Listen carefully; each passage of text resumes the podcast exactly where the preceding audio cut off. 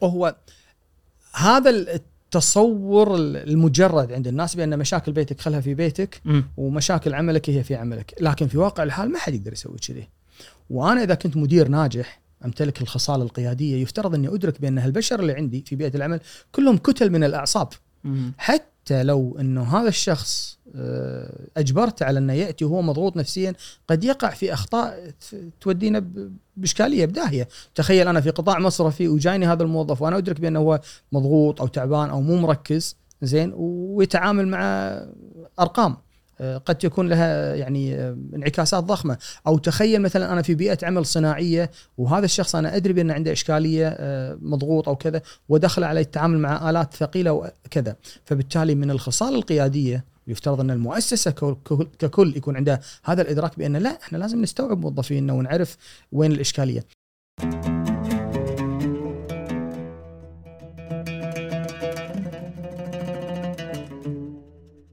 السلام عليكم. هذا بودكاست محفوف آه، اليوم لو الواحد يقعد يتفكر مع نفسه يستوعب انه دوام أو مكان عمله ياخذ أكبر حيز من حياته. آه، فإحنا راودنا هذا التساؤل. آه، هذا المكان اللي ياخذ الجزء الكبير من حياتنا شنو علاقتنا معه؟ هل ممكن إنه يأثر علينا جسديا؟ هل ممكن يأثر علينا نفسيا؟ لهذا السبب اليوم قررنا إن نستضيف الدكتور ساجد عبدلي دكتور في الطب المهني. وشفناها فرصة. كثير من الناس اليوم في إجازة في ناس رادين من الإجازة. فحلو الواحد إنه قبل لا يبلش الدوام قاعد يتفكر إن هذا ال- المكان اللي أنا قاعد أعطيه جزء كبير من جهدي ومن وقتي. هل أنا أمتلك علاقة صحية معاه؟ هل هو قاعد يأثر بجوانب ثانية موجودة في حياتي؟ أتمنى تستمتعون بهذه الحلقة. مقارنة فرضا 40 سنة قبل 30 سنة قبل. يعني يعني اليوم أنا بعرف الحالة اللي أنا أعيشها كمحمد من متطلبات عمل.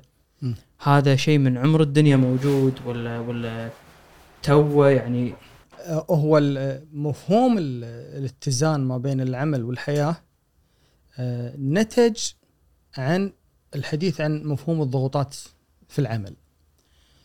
و- ومسألة الضغوطات في العمل طبعا صار عليها الانتباه لما شافوا أن هناك بالفعل هناك نسب عالية للناس اللي قاعد تتأثر وقاعد تشكي بأنه والله هي مضغوطة في عملها وأن هي تعبانة من من الشغل. طبعا الاهتمام الاهتمام بصحة الموظف صحة العامل ككل آه، أخذ زخمه وقوته بالغرب والسبب في ذلك أن هناك نقابات قوية للعمال ونقابات قوية للموظفين ونقابات تعتني بصحة العاملين مم. ولأن المسألة كلها هناك رأسمالية عرفت شلون؟ يعني قطاعات عمل خاص وكذي وهذا فبالتالي ذيلا كلهم لهم قوة ضغط على أن أنتم مو من حقك إنك أنت وكأنك حاطهم في سخره الموظفين اللي عندك أو العمال، ذيلا لهم حقوق ومن حقهم أنهم يقاضونك ومن حقهم انهم يأخذون منك آه، تعويضات في حال آه، ثبات أو ثبوت الضرر وغيرها. فهذه المفاهيم كلها جاتنا من الغرب وخذت زخمها وانتشرت. طبعا بدأت توصل إلى منطقتنا العربية إحنا وبدينا نعرف اولا بسبب الآن الانفتاح الإعلامي ووصول المعلومة بسهولة وأيضا لأن بطبيعة الحال إحنا بدينا نتثقف ونتطور. يعني أنا أذكر في بدايه يعني عملي في التخصص أنا متخصص مجال الصحة المهنية أو الصحة الوظيفية اللي هي صحة الإنسان في مهنته ووظيفته. آه، كان دائما يجيني سؤال بينه يعني وليش الإنسان في وظيفته يحتاج إلى طبيب متخصص يروح حق المستوصف يروح حق المستشفى لأن ما في وعي وإدراك بأن لا بيئة العمل لها ظروف لابد أن يكون الطبيب ملم بها وملم بأن لها تأثير على صحة الإنسان جسديا ونفسيا وفكريا ومزاجيا فبالتالي لابد أن يكون عنده ألمام بحيث أن لما أنا أعالج ال- ال- المريض اللي جاني تعبان لأي سبب كان تعبان مثلا يشكي نفسيا أو يشكي مثلا جسديا لازم أكون عارف شنو السبب اللي أدى إلى هذه الإشكالية بحيث أني أيضا أعالج السبب حتى لا تتكرر نفس المشكلة. بس عفوا دكتور الفرق بال- بالأعراض ولا بالعلاج؟ يعني شلون يفرق الشخص اللي مريض من أشياء عادية يمارسها بحياته والشخص اللي مريض بس- بسبب شيء عائد إلى دوامه أو عم- طبعا مكان عمله. طبعا إذا كان المؤثر فيزيولوجي أو كيميائي بسبب ان نعرف والله ان مثلا هذا تعور أو هذا مثلا آه، صارت عنده هذه الهزة أو هذه الرعشة أو هذا التأثر مثلا في في جسده بسبب تعامله مع هذه الآلة أو تعامله مع هذا المؤثر الكيميائي. فبالتالي يفرق من ناحية المؤثر. لكن يهمني أنا كطبيب صحة مهنية بالإضافة إلى هذا الجانب إني أبي أعالج المؤثر حتى لا تتكرر المشكلة لهذا المريض أو لغيره.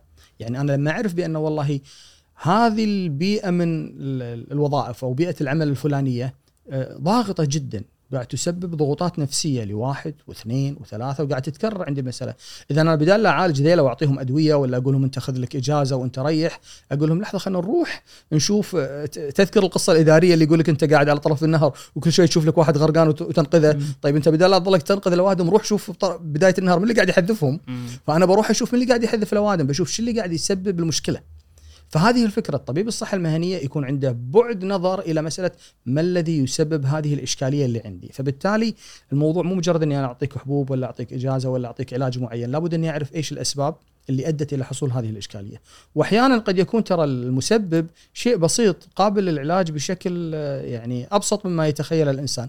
إما بتعديل إداري إما بتطوير إداري إما بنقل الموظف إلى مكان آخر أو يعني أشياء ممكن تكون على المستوى الإداري وليس بالضرورة إنها تكون مستوى كلينيكي طبي ليس بالضرورة تكون علاجية يعني كأدوية وغيرها. بس دكتور يعني عشان الواحد اللي يحاول يفهم يعني أنا أعتقد اليوم بس أبي أعرف الصورة. يعني هل ممكن أنا اليوم تحوشني مشكلة وأنا ما أدري ما عندي الوعي إن هذه المشكلة مرتبطة في مكان عمل. يعني أنا عشان كذي ودي بس آخذ أمثلة منك عشان ممكن الواحد يقارنها بالأشياء اللي هو قاعد يمر فيها على الأقل بس يكون عنده تصور إحنا إيش قاعد نسولف عنه. شوف هو طبعا آه، لابد أن نوضح الحين بأن ال- ال- المشاكل الصحية اللي قاعد نتكلم عنها مشاكل قد تكون مشاكل جسدية يعني يأتيك الشخص مثلا يشكو بكل بساطة مثلا بإصابة بإيده، هذا واضح بأنه والله شنو سبب الإصابة؟ إني والله قاعد أنا أشتغل على الآلة الفلانية، قاعد أشتغل مثلا على الماكينة الفلانية أو إني تعورت أو طحت أو كذا، نعرف إنه هذا السبب، واضح هذه إصابة مباشرة من مسبب معين، فبالتالي هذه الإصابة تحصل في بيئة العمل، شخص يعمل في منجرة ومع منشار معين جرح فبالتالي نعرف إن بيئة العمل هذه فيها هذه الخطورة، لابد إن نعرف يعني هل هذا المنشار تم التعامل معه بشكل جيد؟ هذه الإصابة لا تحصل في مكان آخر، هذه واضحة. العمل الإداري. طبعا الناس لما تقول لهم دائما طب مهني أو طب وظيفي يروح بالهم حق بيئات العمل الصناعية. مصانع مصانع وكذي. نقول لهم لا اليوم ال- المصانع والبيئات مثلا ال- النفطية وغيرها أصبحت معايير الصحة والسلامة فيها عالية جدا فبالتالي من النادر تمر عليهم أشهر ما يصير عندهم مشاكل. لأنهم هم يعرفون بأن هذه المادة الكيميائية تسبب هذا الضرر عبر تراكم خبرات عبر سنوات طويلة فعرفوا بأن هذه المشكلة موجودة فبالتالي صار هناك ميجرز هناك معايير لحماية العاملين مع التعامل مع الكيم... المادة الكيميائية هذه. لا يمكن على سبيل المثال قبل سنوات كان في مادة الأسبست المادة الأسبست اللي تصنع منها العوازل واشياء مثل هذه. عرفوا بأنها مادة مسرطنة تسبب. سرطان الرئة. تم منعها في العالم. فالآن كل الدول اللي تمشي على المعايير الدولية شالت ماده الأسبست من الأماكن فبالتالي آه، بيئات العمل الصناعية المباشرة الحماية فيها عالية إلا الورش الصغيرة طبعا اللي ما عليها رقابة هذا شيء آخر. ولكن تقول الشركات النفطية الشركات الصناعية الكبرى معايير ال- الأمن والسلامة فيها عالية جدا. حتى عندنا في الكويت حتى صح؟ بالكويت. إي لأن اليوم الشركات اللي عندنا اولا في هناك نظم من الدولة من الحكومة الجهات الرقابية تحط معايير معينة لترخيص هذه الم- المنشأة وهناك آه، تجديد الترخيص لابد إنه يطلع عليها كشف وغيرها. أضف إلى ذلك أن أغلب شركاتنا تتعامل مع جهات خارجية. الجهات الخارجية تشترط معايير معينة في مثلا البرودكت هذا أن يكون أيضا هناك معايير للصحة والسلامة وغيرها. فمضطرين إن نحصل على المعايير هذه. لكن الحكي إن لما نقول لك بأن طيب الوظائف الإدارية. هذا إحنا إيه، ربعنا ابو ثمان إيه. ساعات قاعد على المكتب. الوظائف الإدارية هذه مشاكل آلام الظهر مشاكل الضغوطات النفسية مشاكل التعامل مع أجهزة الكمبيوتر والشاشات والوهج مشاكل ال- ال- الارجونومكس يسمونها ما لها تجر ما لها ترجمة عربية يسموها لما عربوها قال الإرغونومية. لكن هي خلينا نقول الموائمة موائمة بيئة العمل لوضعية الجسد السليمة. ال- اللي تصير بسبب إنه مثلا والله طول الوقت وهو قاعد على هالكرسي والكرسي غير طبي أو غير صحي. آه، بعد الشاشة أقرب من المفروض مفترض إنها على بعد معين. آه، مساقط الإضاءة مثلا بزوايا خاطئة الإضاءة ما هي كافية. المكان اللي هو قاعد فيه ضجيج دائم. انت تخيل مثلا قاعة آه، مراجعين أو كذا انت تداوم من الساعة 8 للساعة مثلا 2 وصوت الناس تحكي هذه أيضا لازم إنه يكون ينظر لها ال- الوهج اللي حولك ال- التعامل مع الأدوات البسيطة ال ال ال الأوراق الدباسات اللي ممكن قد تسبب إصابات بسيطة وغيرها. كل هذه المعايير على فكرة هذه أكثر مشاكل صحية على الناس اليوم من المشاكل اللي تحصل في البيئات الص- الصناعية ولا يعني نفس المثال اللي يقول لك آه، إن السفر بالطائرة أكثر امانا من السفر بالسيارة. رغم أن فعلا الطائرة اللي صار الحادث حادث كبير لكن من النادر أن تحصل نسبة حوادث. الوقوع نسبة. الوقوع أقل. نفس الشيء اليوم المشاكل اللي تحصل في بيئات العمل الإدارية آه، والتأثيرات على الصحة أكبر بكثير مما نراه من ال- اللي يحصل مثلا من الإصابات ال- ال- المباشرة في بيئة العمل الصناعية. يعني أنا مثلا على سبيل المثال لا يكاد يمر علي مثلا أسبوع في العيادة. طبعا فترة كورونا اللي طافت هذه كانت فترة استثنائية لأن تغيرت الأشياء كلها. كان ما في دوامات كان بسبب أن العمل من المنزل وكذا. لكن قبلها لما كان الرتم طبيعي ما يمر علي أسبوع إلا جاني أحد يشكي مثلا من الام في الظهر أو عنده مثلا صداع أو عنده مثلا آه، اضطرابات بالجهاز الهضمي. لما ندرس الحالة ونحاول إن نسوي التشخيص ونسوي الفحوصات وغيرها طبعا آه، الفحوصات الاعتيادية نتعامل مع كل حالة بأن هناك سبب عضوي وجوهري لهذه الشكوى نفحص بالكامل وناخذ منه التاريخ المرضي وكذا. نكتشف بعد ذلك بأنه لا يوجد سبب عضوي.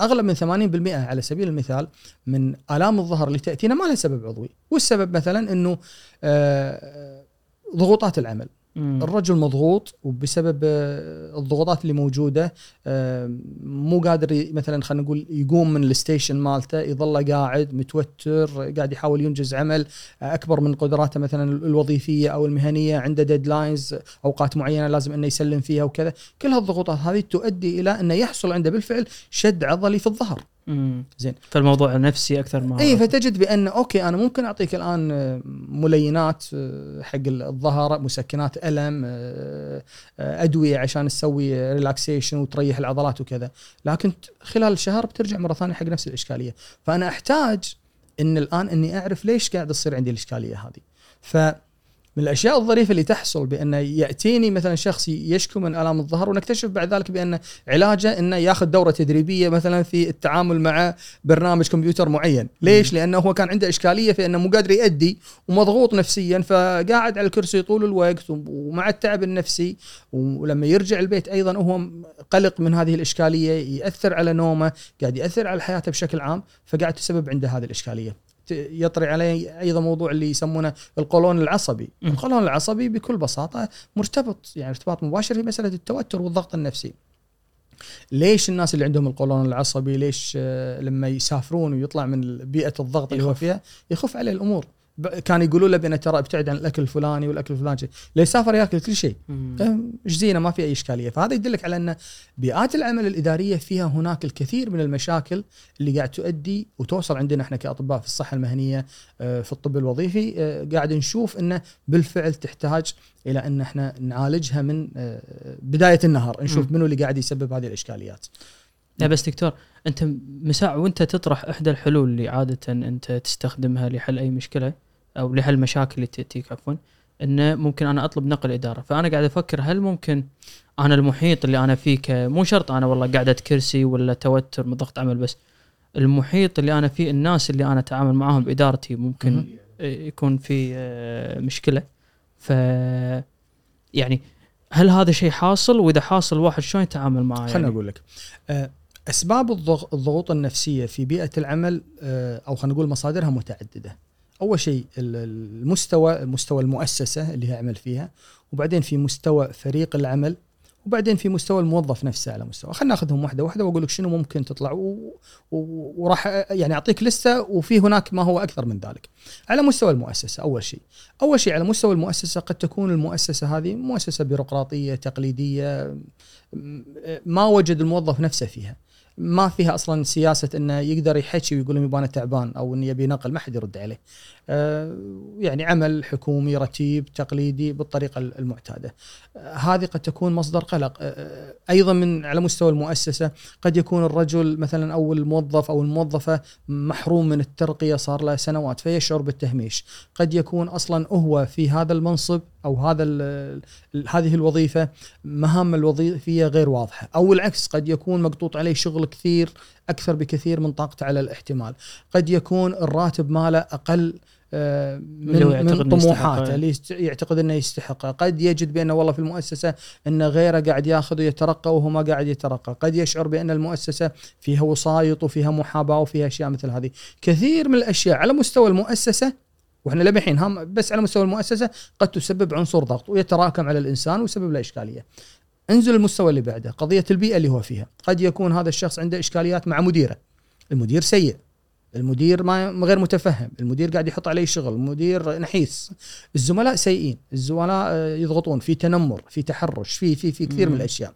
ودائما إحنا إنه نرى إنه يعني الآخر هو الجحيم. يعني قد يكون الموظف نفسه هو عنده إشكالات وهو عنده مشكلة بالتواصل عنده مشكلة بالكوميونيكيشن مو قادر إنه يسولف مع الآخرين بشكل جيد مو قادر إنه يوصل فكرته مو قادر يوصل معلومته. لنقص مثلا في التدريب لنقص في الخبرة لنقص في المعرفة وهكذا. فايضا هذا يكون عنصر قلق. ارجع بعد ذلك أيضا المستوى الأخير اللي هو الموظف نفسه. مشاكل الموظف نفسه. قد يكون الموظف هذا أصلا جاي لك يحمل مشاكل أسرية مشاكل مم. اجتماعية. الإنسان ما يفصل ما بين حياته الاجتماعية وحياة العمل. أنا أتي من البيت مضغوط. ألقي بضغطي وتعبي على دوامي. أطلع من الدوام تعبان اقض تعبي والضغط هذا على البيت. هذا يأثر على قدرتي على النوم ما أنام زين. أقوم الصبح أيضا تعبان وهكذا. فتظل الدائرة هذه قاعد أنت تطحن فيها. فتلاحظ هناك مستويات عدة لمسألة وجود مصادر للضغوط النفسية على الإنسان. طيب كيف نستطيع انه والله نساعد شخص يمر بهذه الضغوط؟ لابد إن مثل ما قلت لك إنه يكون عندنا تشخيص دقيق لمعرفة أين هي مصادر الضغوط. وهذه تعتمد انه يكون الموظف عنده القدرة على إنه يحدد. لابد إن نوجد عنده حالة من الوعي. أغلب الناس ما جلسوا مع أنفسهم أو مع شخص متخصص وقعدوا يفكرون بأن أنا الضغوط اللي قاعد أمر فيها منين مصدرها يا ترى؟ أنا ليش قاعد ليش أنا تعبان؟ آه، يحتاج إنه ندخله في في غرفة ونبطل اللمبات فوق راسه بحيث إنه يستطيع إنه يحدد مصادر هذا الضغط اللي موجودة. ونبدأ بعد ذلك إنه نحاول نقوده إلى معالجة هذه المصادر.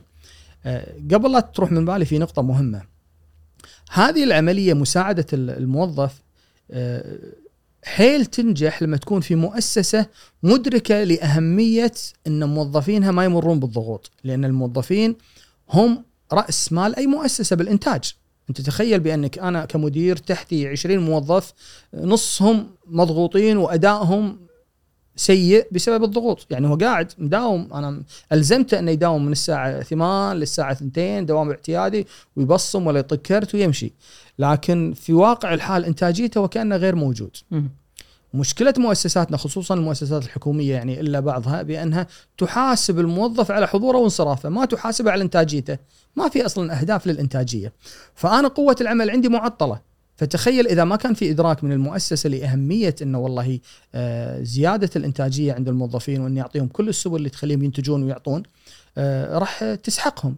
تسحقهم بانه والله ما تدري عن احتياجاتهم النفسية، احتياجاتهم الجسدية، احتياجاتهم الاجتماعية، فبالتالي بالنهاية يكونوا موجودين جسدا ولكن من غير أي قيمة.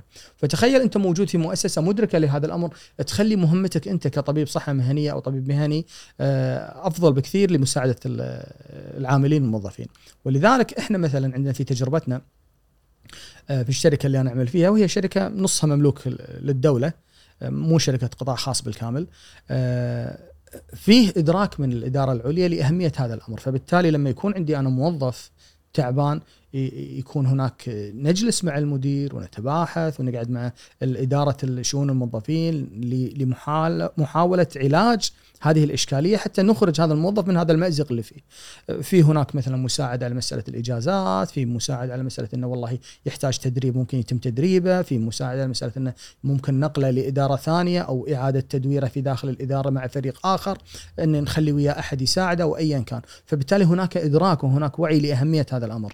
في حالة غياب هذا الإدراك من المؤسسة يصبح الثقل كله على الموظف بأنه أنقذ نفسك. مم. وبطبيعة الحال آه، لابد للموظف انه يكون آه، برضو انه يفكر بين شلون أنقذ نفسي. لأن ترى إذا ما أنقذت نفسك ما حد راح يساعدك إذا كانت المؤسسة ما عندها هذا الوعي. يطري علي آه، من الشغلات الظريفة يمكن أن أحيانا في السابق كنت أذكر يعني في في بيئة عمل ثانية آه، يجي الموظف نكتشف إنه مثلا والله إنه تعبان من الكرسي طول الوقت مثلا هو يستخدم الكمبيوتر وكذا. فنقول له بأن أنت بحاجة إلى كرسي صحي يعني إنه يكون فيه الانحناءات المطلوبة كذي. فيقول يا أخي الدوام ما يوفرون. أقول له إي صح دوامنا ما يوفرون. بس آه، طيب اشتري لك أنت كرسي. قول لا ما نشتري. طيب أنت قاعد تعاند منو أنت الحين؟ أنت قاعد تعاند صحتك يعني أنت فكانه يقول لا ماني جايب لهم كرسي. لا أنت الكرسي حقك أنت مو حق الناس. فبالتالي يفترض أن الموظف يفكر بهذه الروحيه بأني أنا لازم أني أنقذ نفسي. شلون أنقذ نفسي؟ إما أنه والله إذا كان يتعذر علي البعض يقول دكتور كلامك نظري آه، مو سهل على الواحد إنه يطلع من وظيفته أو ينتقل، إذا كان يتعذر عليك الانتقال أو إنك تروح مثلا إدارة ثانية آه، إذا لازم تفكر كيف إني أجعل من بيئة عملي اللي أنا فيها اللي خلاص هذا قدري بإني أعمل فيها إنها أفضل ما يكون لأجل صحتي.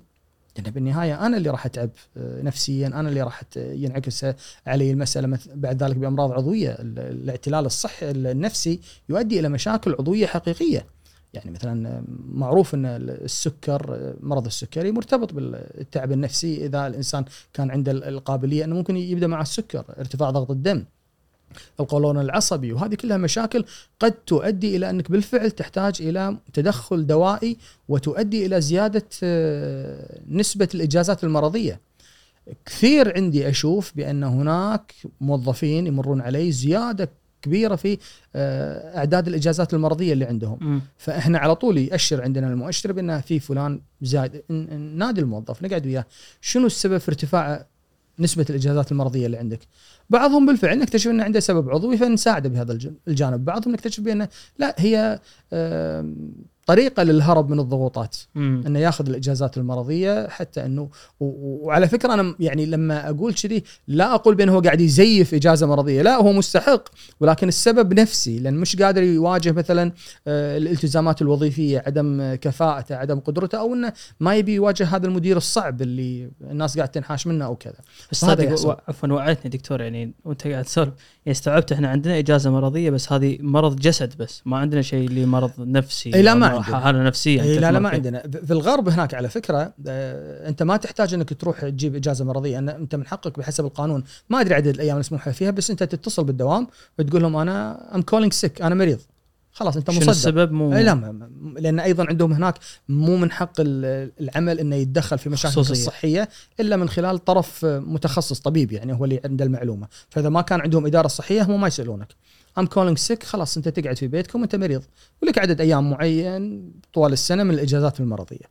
آه، إحنا عندنا لا أنت لازم تجيب ورقة من المستوصف أو المستشفى أو ايا كان تثبت فيه. وفي عدد أيضا محدد من الإجازات المرضية. اللي قاعد يحصل عند الناس الحين يروح حق المستوصف يضطر إنه يقول أي شيء يختلق أي شيء. والله ظهري يعورني والله أنا عندي صداع والله كذا كذي هذا. فتي لك الورقة موجود فيها إنه تشخيص طبي لكن إحنا ندرك بأن كثير من هذه التشخيصات الطبية غير حقيقية. م. وإنه مجرد كان بيريح ما ألومه لأنه قد يكون مضغوط ومن حقه إنه ياخذ لكن لأن السيستم عندنا بالكويت مثلا ما يعطيك مجال بأنك أنت تقول أنا والله كنت أمر بظروف أمر بظروف نفسيه, نفسية أو كذا. ما فيه الأمر. لكن هذا واقع من واقع الممارسة إحنا قاعدين نشوفه. كثير من الإجازات المرضية بسبب إن الناس تبي راحة تبي تريح. قام الصبح وهو ما كان نايم زين بسبب الضغوطات اللي عنده سواء إحنا يمكن في بداية الحكي آه، أو قبل لا ندش اللقاء نتكلم عن التوازن ما بين الصحة آه، العمل وصحة الإنسان في في حياته. آه، وذكرتها قبل شوي بأن تعب الإنسان في حياته ينعكس على كل ساعات يومه.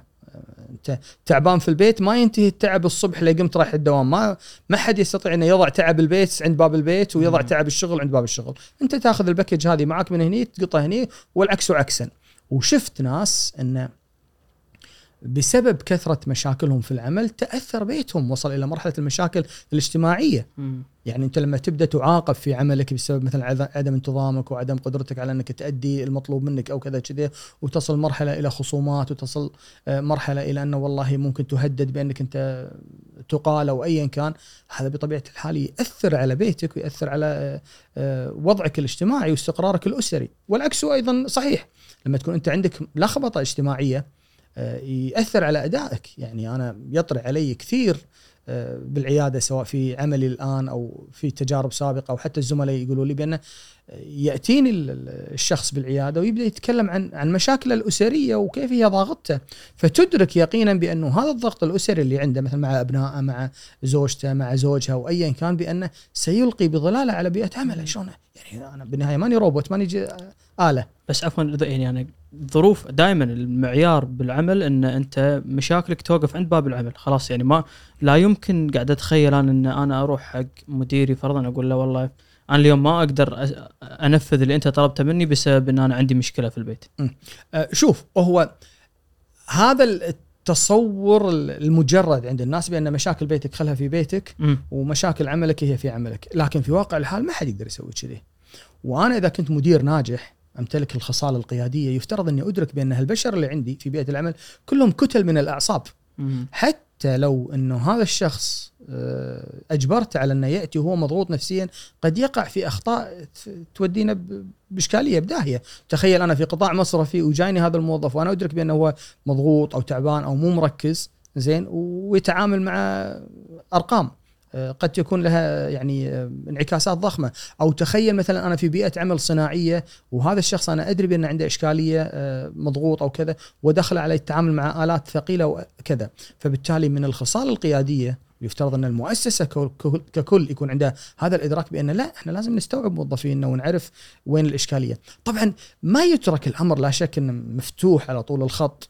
لابد يكون له ضوابط ولكن أن تكون هناك الروحية لإدراك أهمية التعامل مع الجانب النفسي لكل عامل ولكل موظف. مم. عندك لأن الإنسان ما يفصل ما بين المشكلة ال- ال- الجسمانية والمشكلة النفسية والأمر الآخر آه، ترى إذا ما كان أنت عندك روحية كمؤسسة أو كقائد أو كمدير ما عندك روحية آه، التعامل ال- ال- ال- الإنساني مع موظفينك راح تخسرهم انت كأعضاء في فريقك راح يسوون لك المطلوب في الظاهر ولكن في واقع ال- الأمر هم ما قاعد يخدمونك ولا قاعد يعينونك وإذا احتجتم في في لحظة حقيقية ما راح تلقاهم يسندونك في تلك اللحظة لأنك أنت ما خدمتم ولا حسيت فيهم كبشر. على هذا المستوى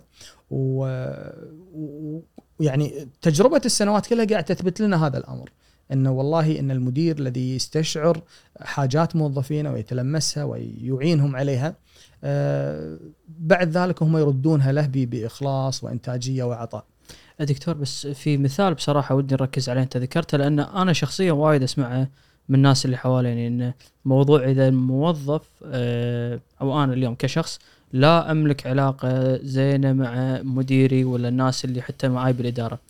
هذا الحل يعني في حل خارج إطار إن أنت اليوم لازم تنقل ولا تترك آه، تترك دوامك نعم. هذول الحلين الموجودين متوفرين ولا شوف طبعا آه، إذا كنت أنت خلاص ايقنت كموظف بأن أنت علاقتك مع مديرك هذه سيئة ولا يمكن علاجها فهني يعني يفترض أن نكون آه، بدينا نفكر بالعلاج قبل لا نصل لهذه المرحلة بأن أنا خلاص وصلت إلى طريق مسدود مع مديري. لابد أن نكون أصلا إحنا كانت عندنا لحظة وعي سابقة لهذه المراحل. يفترض بأن العلاقة مع المدير ما تصل لهذه المرحلة. إلا إذا أنت على قولتهم جايب العيد أنت مسوي مصيبة. كبرى فبالتالي أنت قاعد تعاقب. إذا تحمل نتيجة خطأك أنت أنت أخطأت لازم تدفع يعني ضريبة هذا الخطأ وتعالجه بالطريقة وتحاول أن تثبت بعد ذلك بأنك أنت الآن في مرحلة العلاج ستعالج وستصبح الآن موظفا أفضل وأنك لن تقع في هذا الخطأ مرة أخرى ولكن من الأشياء اللي أنا يعني خلينا ناخذ هالحتة هذه من البداية أتصور أن فيها ملمح جميل. آه، من الأشياء اللي دائما أنا أنبه فيها الموظفين بأن آه، تذكر دائرة التحكم ودائرة التأثر اللي أنت فيها، شنو دائرة التحكم؟ الإنسان بطبيعته هو يقع في آه، دوائر في بطن بعضها البعض، أنا في منتصف الدائرة الأولى لا، في أشياء حولي أنا اللي قادر على التأثير فيها والتحكم فيها، الاشياء اللي أقدر أتحكم فيها. في دائرة أكبر من ذلك أنا في واقع فيها دائرة التأثير، في أشياء أنا قادر على التأثير عليها. ولكني غير قادر على التحكم فيها. مثلا اليوم عيالنا أنت عيالك ممكن تأثر عليهم. يعني العيال المراهقين خصوصا تقدر تقول يا ولدي وكذي وهذا إلا ربما تقنعه لكن إذا بغى يسوي شيء ويعصيك راح يعصاك. وفيه دائرة أكبر من ذلك اللي هي دائرة التأثر. في أشياء أنت تتأثر فيها لا تقدر لا تتحكم فيها ولا تقدر آه، تأثر فيها. بس أنت تتأثر. يعني مثلا خلينا نقول آه، الرطوبة. اللي برا اليوم ضربتنا أنا أتأثر فيها لكن ما أقدر أغير شيء. يمكن- ألبس ملابس شوية كذي أو أظلني داخل أو كذا لكن لا أستطيع أن أغير بهذا الواقع. أقول دائما في علاقتك أنت مع مديرك تذكر أنت في الموضوع اللي بينك وبينه أنت وين موقعك. قد ترى بأن مديرك هذا أغبى إنسان بالعالم. ما يعرف. لكن أنت بالنهاية ترى أنت الموظف. أوكي أنت حاولت تبين بان يا جماعة الخير الشغلة هذه لازم تسوى بالطريقة هذه. ما المدير مو مقتنع. لا تروح انت تحاول بانك انت انت ما تفهم تقول له ولا لازم اسويها كذي. اعرف وين حدود صلاحياتك شنو دورك المفترض بحسب القانون وبحسب آه، آه، وضعك في هذه الوظيفة. كثير من الموظفين يدخل في صراعات مع رئيسه في العمل أو المشرف عليه أو مديره لأنه يرى بأن هذا ما يفتهم وإحنا حاولنا نسوي وأنا حاولت أسوي فيدش بعد ذلك بنوع من العراك الشخصي. تصبح الآن المسألة فيها نوع من الندية والمسألة فيها نوع من الشخصانية. لابد أن تكون أنت كموظف عندك نوع من الذكاء العاطفي والاجتماعي آه، في مسألة انه وين حدودي؟ هذه الشغلة، البعض يقول كذا ما سواها أنا أروح أبلغ عنه اللي أكبر منه. ثق تماما بأنك أنت لو رحت اللي أكبر منه أنت الخاسر. م. لأن دائما في الإدارات والمؤسسات لا يتم تقدير الموظف الذي يتجاوز رئيسه. إلا إذا كان طبعا إنه والله هذا الرئيس فاسد وإن بالجرم المشهود وكذا هذه قصة ثانية. ولكن في القضايا الإدارية دائما يرون بأن لا أنت المفترض إنك أنت رحت لمديرك وبلغته مو من حقك التجاوز أنت شلون تجاوزت مديرك؟ فترد عليك السالفة عايدي حتى وهذه أيضا ظريفة حتى إذا رأيت إن مديرك مثلا مأخر ترقيتك مثلا أنت تأخرت ترقيتك وحاولت فيه وحاولت فيه وحاولت فيه بعدين تقول بين شلون أنا بروح أتظلم عند الشؤون الموظفين عليك يا المدير. ممكن تروح تتظلم وتسمح لك اللوائح والقوانين عادة في كل الجهات وممكن تحصل على الترقية. لكن بعد ذلك تتوقع إن مديرك راح يطوفها لك راح تتحول إلى معركه شخصية. مم. راح يبدأ يعاسرك في إجازاتك في طلعاتك يقط عليك أعباء إضافية يزهقك إلى أن تضطر إنك تهرب من هذا المكان. وهذه شفناها كثير تحصل في بيئات عمل مختلفة. مم. فبالتالي يفترض بأن الموظف يعني أرد حق سؤالك في البداية بأن يفترض أن الموظف لا يوصل نفسه إلى تلك المرحلة اللي يصبح فيها يا آه يا أنا يا هو يا أنا يا هو يا أستقيل من هذه الوظيفة أو أطلع منها ولكن إذا وصل لسبب من الأسباب إلى هذه المرحلة آه لابد بأنه بالفعل يفكر جديا بانه كيف أنتقل كيف أني أطلع من هذه الوظيفة. م. وطبعا لا يقفز من هذه الوظيفة اللي فيها ضمان الراتب على الأقل بالحد الأدنى إلى مكان أستقيل وبعدين آه، يحلها الحلال ولا آه وين أروح؟ هذه مصيبة. كثير من الناس خصوصا اللي يقول لك أنا أترك الوظيفة وأروح أسوي بزنس خاص ولا أسوي عمل خاص، لا لا تقفز إلا أنت عارف على الأقل إلى إلى أين ستذهب. فهذه النقطة اللي أنا أقولها، يفترض إن ما نوصل لتلك المرحلة إلا بعد ما نكون استنفذنا كل الخطوات لمعالجة الموقف، قد يكون هناك مجال للمعالجة. دكتور تمساء تكلمت على موضوع آه، مضايقات، تحرش، شدني بصراحة شغلة ما أدري إذا من خبرتك اليوم المشاكل اللي تنتج من مكان العمل آه، في فرق لما أنت تقيسها على ذكور وإناث ولا ما في ذاك الفرق بينهم؟ والله شوف يعني آه، بالكويت ما عندنا إحصائيات تتناول هذا الجانب بحسب ما أعرف، يعني هل آه، هناك تحرش مثلا على سبيل المثال أو تنمر أكبر على الرجال من النساء أو العكس بحسب بيئات العمل؟ ما وقفت على أي دراسة تتكلم عن هذا الأمر، لكن الانطباع الدائم إن اللي أكثر عرضة للتحرش هم النساء. م. واتصور يعني كأنه يبدو منطقيا. ما أعرف عن الإحصائيات قد تثبت يمكن عكس ذلك. آه، لكن ما في للأمانة ما, ما بس غير التحرش يعني بشكل عام أي مش يعني المشاكل الناتجة من مكان العمل. التنمر وكذي الأشياء والضغوطات. لا ما, ما ما شفت يعني في فروقات آه، يعني عندنا بس على حسب الجنس يعني. ما فيه شيء فارق بالنسبة لي أنا. اهم أنا اهم مقارنة ثانية دكتور. ما أدري أيضا إذا تمر عليك ولا لا بس ودي أعرف لأن إحنا اليوم في هذه الصورة النمطية اللي قاعد تنتشر بأن أنت متى ما فتحت آه، شركة خاصة فيك بزنس خاص فيك أنت قاعد تشتري راحتك وما عندك المدير اللي يأذيك وأنت تتحكم في كل شيء. فاليوم في مجال عملكم في مفارقة اللي انه أنت حضرتك تشوف شخصيا إنه بالفعل اللي يفتح بزنس هني قاعد يشتري راحته. وخلاص ما يتعرض لمضايقات من العمل ولا يتعرض لم... أو على الأقل أقل مشاكل من العمل تنتج من العمل الاعتيادي. أه شوف أنا أيضا أه، أقدم استشارات خارج يعني بيئة عملي النظامية خلال الوظيفة عندي جلسات استشارية أقدمها للناس اللي يتعرضون لضغوطات العمل وكثير يمرون علي ناس اللي هم من أصحاب الأعمال الخاصة. أه الانطباع الموجود عند الناس بأن لا أنت تتخلص من الضغوطات وكذا انطباع خاطئ. م. تتخلص من نوع الضغوطات. يعني تتخلص من نوع معين من الضغوطات وتأتيك ضغوطات من مصدر آخر. صحيح أنت تتخلص من ضغط أن وجود هناك مدير ورب عمل يلزمك بأشياء معينة، لكن ستصبح الآن أنت ملتزم تجاه عندك مشروع حاط فيه فلوس أو ماخذ قرض أو ايا كان فبالتالي لابد أنك أنت توقف على رجلك فتصير أنت أكثر احتراقا نفسيا تجاه أن مشروع ينجح أو يفشل. صحيح أنت تتخلص من قضية الالتزام بدوامك طقه الكرت الساعة 7 ونص أو الساعة 8 وتطلع الساعة 2 لكن ستكون الآن واللي شفتهم بانه يداوم ممكن يداوم الساعة 9 والساعة 10 لكن يقعد من 10 ل 10 بالليل مم. لأنه بيقوم المشروع فأصبح عنده ضغط الآن من نوع آخر. آه، ذيلا صحيح إنهم مثلا عندهم مساحة أكبر للإجازات أو كذا. ذيلا اللي بالعمل الخاص في السنوات الأولى إذا العمل ما محرومين من الإجازات لأنه ما في مجال انه أصلا في قرض وهو مضطر إنه يدفعه شهريا للجهة اللي أخذ منها سواء البنك الصناعي أو المشروعات الصغيرة أو كذا فبالتالي ما في عنده مجال إنه يأخذ حتى إجازاته. فمو صحيح بأنك أنت تهرب من بيئة العمل التقليدية إلى العمل الحر أنت تتخلص من الضغوطات. لا أنت ستأتي الآن بحزمة أخرى من الضغوطات. طيب أنت تقول لي اذا معناته أن الضغوطات في كل مكان يا دكتور فبالتالي ليش مسوي لنا قصة أنت كذي أقول لك. صحيح. في كل مكان هناك ضغوطات لكن الفارق هو أن يتعلم الإنسان كيف يتعامل مع الضغوطات. وهذا اللي إحنا قاعد نحاول نعلمه للناس أو إن نحاول إن نعالجه انه أحيانا نفس مصدر الضغوطات يقع على أحمد ويقع على محمد على سبيل المثال. تجد أحمد مثلا ينكسر تحت هذا الضغط ومحمد لا أمور طيبة وكأنه ماكو شيء. شنو الأسباب؟ تكتشف بأن هناك أسباب جعلت محمد أكثر قدرة على التعامل مع الضغوطات، إما إنسان مثلا مر بهذا الأمر سابقا عنده خبرة وعنده تجربة.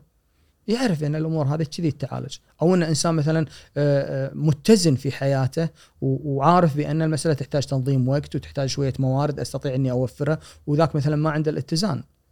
أو إنه مثلا على سبيل المثال بأنه والله آه، هذا الشخص عنده آه، معرفة آه، فنية في كيفية معالجة هذا المطلوب منه في حين أن الشخص الثاني ما عنده هذه المعرفة، فاذا ردات الفعل تجاه الضغوطات تفرق من بين الناس بحسب استعدادها، بحسب معرفتها، بحسب خبرتها، بحسب الوعي الموجود اللي عندها. فهذا اللي إحنا قاعد نحاول إن نقوله. ومن هذا الباب عبر السنوات أنا استطعت إني أكون مفهوم أقول بأن هناك شيء يسمونه دائرة الاتزان الحياتي. آه، الإنسان اللي يكون متزن في هذه الدائرة أو عنده وعي آه، بأهمية الاتزان في هذه الدائرة آه، بإذن الله قادر على أنه يواجه الأعباء بشكل أفضل بكثير من الشخص اللي ما عنده وعي لأهمية التوازن.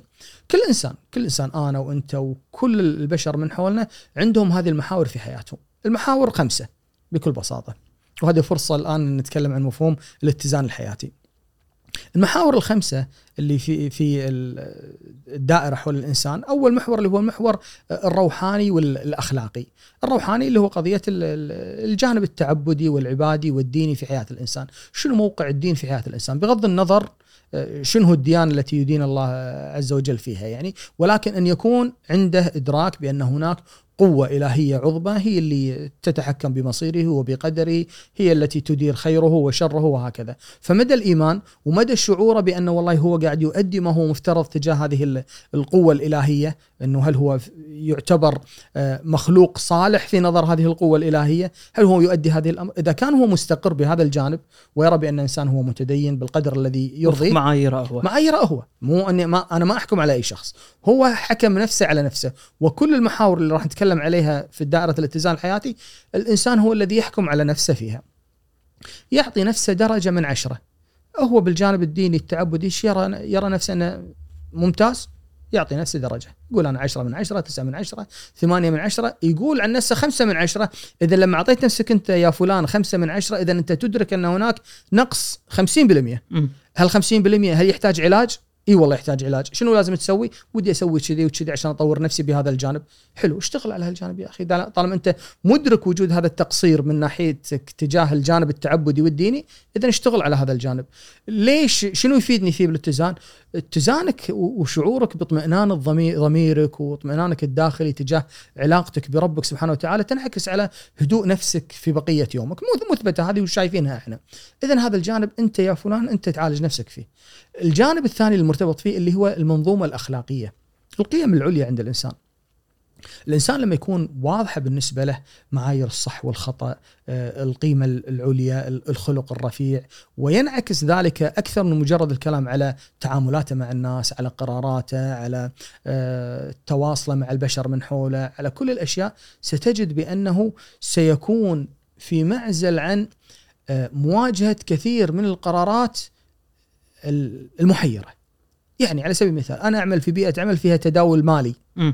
وأنا بإمكاني إني آخذ من هذا المال بشكل ما حد يشوفه، شو اللي راح يمنعني غير الخوف من القانون؟ إذا افترضنا القانون مو شايفك، شو اللي راح يمنعك؟ وصلتك الأخلاقية. انه لا ما يصير. لا يجوز. عيب. مو حلال. حرام. إذا لابد ان كذي. طيب شو اللي يمنعك أنك أنت تخدع الناس بالكلام؟ القانون القانون ما ما ما يمنع الكذب إلا إذا كان انعكاس يمكن مالي أو كذا إنك تكذب على الأوادم. شو اللي راح يمنعك؟ المروءة الشرف الأخلاق الرفيعة لا يجوز الجانب الديني لربما. فبالتالي إذا كانت عندك أنت بوصلة أخلاقية رفيعة ستجد بأنك أنت إنسان أكثر رقيا في التعامل مع الآخرين. هذا جانب من محاور الاتزان. وبعد ذلك أنا راح أبين لك يعني ارتباط هذه الأشياء كلها ببعضها البعض. الجانب الثاني اللي هو مسألة اللي هو الجانب العلمي والجانب الفكري. العلمي أنت وين وصلت في المراحل الدراسية؟ هل أنت وصلت إلى مرحلة دراسية أو حصلت على الشهادة اللي تشعر بأنها كفتك نفسيا، كفتك علميا، كفتك وظيفيا؟ كثير من الناس يتخرج بشهادة معينة ويشتغل فيها ويظل يؤرق في نفسه بأنه كان يتمنى انه يكمل دراسته. وفجأة بنص يعني وظيفته كذي يقرر يترك الوظيفة ويروح يكمل الدراسة فيربك حياته الاجتماعية يربك مسار أموره ف أهمية إن الإنسان بالفعل يحصل على التعليم الذي يرضيه ويقنعه مهم جدا لاستقراره النفسي ولاستقراره الوظيفي ولاستقراره الاجتماعي. كثير من الناس شفتهم يعني يلخبطون حياتهم الاجتماعية لأنه قرر فجأة إنه يدرس. أو أنا شفت ناس يجبرونهم مثلا أهلهم على دراسة تخصص معين يروح يجيب الشهادة اللي ترضيها له وأول ما يرجع يقول لهم جبت لكم الشهادة اللي تبونها أنا بروح أدرس اللي أحبه يروح يدرس مثلا آه، فنون ولا يدرس كذا وهم كانوا مو مقتنعين يروح أدب ولا شيء كذي. فاحيانا إذا ما كان الإنسان ماشي في المسار العلمي الذي يقنعه ويرضيه يظل هذا الأمر آه، متعب بالنسبة له أو بس عفوا ما, ما فهمت دكتور المثال الأول إنه في ناس شنو انه يكتشف فجأة إنه مو راضي على المحصل العلمي اللي يعني مثلا أنا حصلت على بكالوريوس مثلا. حلو. حلو. واشتغلت بالبكالوريوس. وأنا طول عمري ودي أحصل على الدكتوراه. لكن بسبب ظروف معينة ما قدرت أكمل دكتوراه. فأروح أشتغل بالوظيفة البكالوريوس مثلا. بعد سنوات كذي وهذا ألقى بأن أنا ما زلت أشعر بان يا أخي ربعي أقراني كلهم دكاترة وأنا اللي كنت وياهم وأشوف نفسي أحسن منهم ما انعطيت الفرصة. تدري شلون؟ يبقى هذه استقالتي وبروح أدرس. هذا شيء مو زين؟ هذا مرة ثانية إحنا ما نحكم عليه من الخارج لكن قد يكون هذا قدم استقالته عنده وضع اجتماعي مم. طيب أنت الحين كذي لا طول عمري أنا ودي أدرس أكمل كذي. فيضرب كل شيء بعرض الحيط ممكن عشان هالشهادة ممكن أو إنه يظل كذي تعبان نفسيا ودائما يشعر بأني أنا أقل من غيري وكذا شيء فيؤثر على شعوره بالسعادة، شعوره بالبهجه، عطاءه في عمله وهكذا. فأنا ما أحكم على الناس قد يكون هذا قرار صحيح قد يعود بعد ذلك بالدكتوراه ويحقق منها وقد لا يحقق. يطرح علي في مسيرتي التعليمية آه، لما دخلنا كلية الطب كان معانا أحد الزملاء وكان ما شاء الله يعني من المتفوقين وكذا. صار له ظرف اجتماعي توفي آه، والده وكذا فاضطر إنه آه، ينسحب من كلية الطب لظروف اجتماعية وأخذ مسار آه، آخر. بعد سنوات كمل دراسة لكن مو في الطب في مجال آخر. انقطعت أخباره عني دارت الأيام سبحان الله وبعدين مر علي اسمه كذي فلقيت بأن سبحان الله يعني هذا التغيير اللي في حياته قد لا يكون يعني إحنا بالظاهر كنا نشوفه بأن التغيير سلبي لكن هو قد تكون التغيرات هذه إيجابية أو إنه الإنسان كيف يستطيع إنه والله يستغل الفرص اللي عنده بوعي وبإدراك أخذ مسار سبحان الله وأصبح الآن علم من إعلام هذا المجال. يعني أنا ما أحب أوضح حتى لا يعرف يعني الربع يعرفون من أقصد إنه أصبح علم من إعلام هذا المجال كذي. ف يعني شق له درب في في مسار معين. هذا الدليل على هذا دليل على إنه مسألة الحصول على موقع يرضيك تعليميا بشهادة معينة يعني الكثير عند كثير من الناس. بعض الناس يمكن ما يعني لهم بعض الناس بالعكس. يرى اليوم كثير يمكن هذه الحين شائعة بأن ترى شهادات الجامعة ما توكل خبز صح. والناس تدور الشيء الفني وتدور كذا. لكنها تفرق من إنسان إلى آخر. هذا الجانب التعليم. الجانب الثاني اللي مرتبط في الجانب التعليمي اللي هو الجانب الفكري. كم وصلنا دكتور؟ إحنا أربعة؟ إحنا الحين لا إحنا واحد في اثنين. اللي هو البوصلة الأخلاقية والجانب الروحاني كل محور فيه اثنين. المحور الأول الروحاني والأخلاقي المحور الثاني التعليمي والفكري. الفكري اللي هي أنت استنارة الإنسان الفكرية من بعد ما ينتهي من الدراسة. بعض الناس يعتقد أن انتهت علاقته بالكتب علاقته بالتعلم ما أن يتخرج. من الجامعة أو من الكلية أو من ايا كان. وهذا غير صحيح. أنت اليوم في واقع وفي عصر مزدحم بال- بالمعلومات وبالأفكار الجديدة وبالتنافسيه الشديدة في بيئة العمل. والإنسان بحاجة انه يلم بما يجري حوله حتى يكون قادر على انه يعبر عن نفسه بشكل وحتى انه يبرز حتى يتميز. الإنسان المتميز يبان من منطقه من منطوقه من كلامه من اختيار الألفاظ وهكذا. هذه الألفاظ وهذه الاختيارات وهذا المنطوق وهذا الزخم ال- الفكري والمعلوماتي اللي عند الإنسان لا يتأتى من فراغ. لابد أن يكون الإنسان طور مداركه. مو معقولة بس هو قاعد على إطمام ال- المرحوم على قولتهم على الشهادة اللي حصل عليها وبعد ذلك يقول لي بأن لا والله أنا الآن قادر على التطور. لابد أن يقرأ لابد أن يتعلم لابد أن يجلس بجلسات مثلا تفيد أو أن يتحصل على ال- الفكر الجديد هذا أو تطوير الفكر بطريقة أو بأخرى. آه كثير من الناس ما يدرك أهمية هذا الأمر وبعد ذلك يشوف فيه من حوله ناس تميزوا ونجحوا. لو تبحث بعناصر تميز هؤلاء البشر هؤلاء الناس طوروا أنفسهم فكريا. لا يمكن إنهم قعدوا هكذا وتميزوا لابد إنهم يطورون نفسهم فكريا. فحتى تصبح لك أداة تنافسية في الزمن اللي إحنا فيه اليوم سواء في وظيفتك أو في عملك الخاص أو في المجتمع أو ايا كان لابد إن يكون عندك نوع من الاستنارة والتطور الفكري. شلون تتحصل عليه؟ هذا شيء آخر.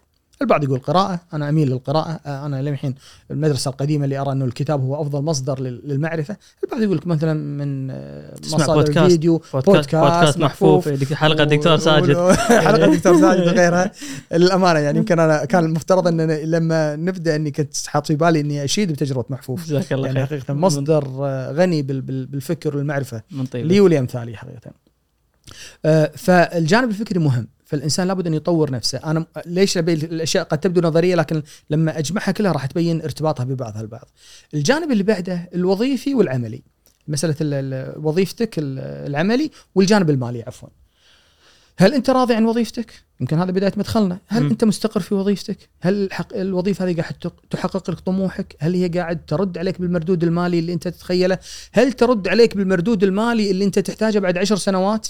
التطور المالي اللي فيها الزيادات الكذا راح تكون كافية. لاحتياجاتك بعد عشر سنواتك لأبنائك لأسرتك. لما تريد كل هذه الأشياء لازم تسأل نفسك هل هذا المجال اللي أنت راح توصل من خلاله ولا أنت بحاجة أنك تعيد النظر ربما أنت لازم تشوف لك دبرة يعني يمكن مو هذه الوظيفة يمكن تحاول أن تنتقل يمكن تحتاج أنك أن يكون عندك وظيفة إضافية عمل خاص بالإضافة إلى الوظيفة النظامية قد تحتاج أنك تقفز في يوم من الأيام من الوظيفة النظامية إلى عملك الحر شلون تصل لهذه ال- ال- المعلومات أو تصل لهذه القرارات؟ ما لم تجلس وتتفكر كثير من عيالنا اليوم في الوظيفة عمره ما تفكر بالسالفة.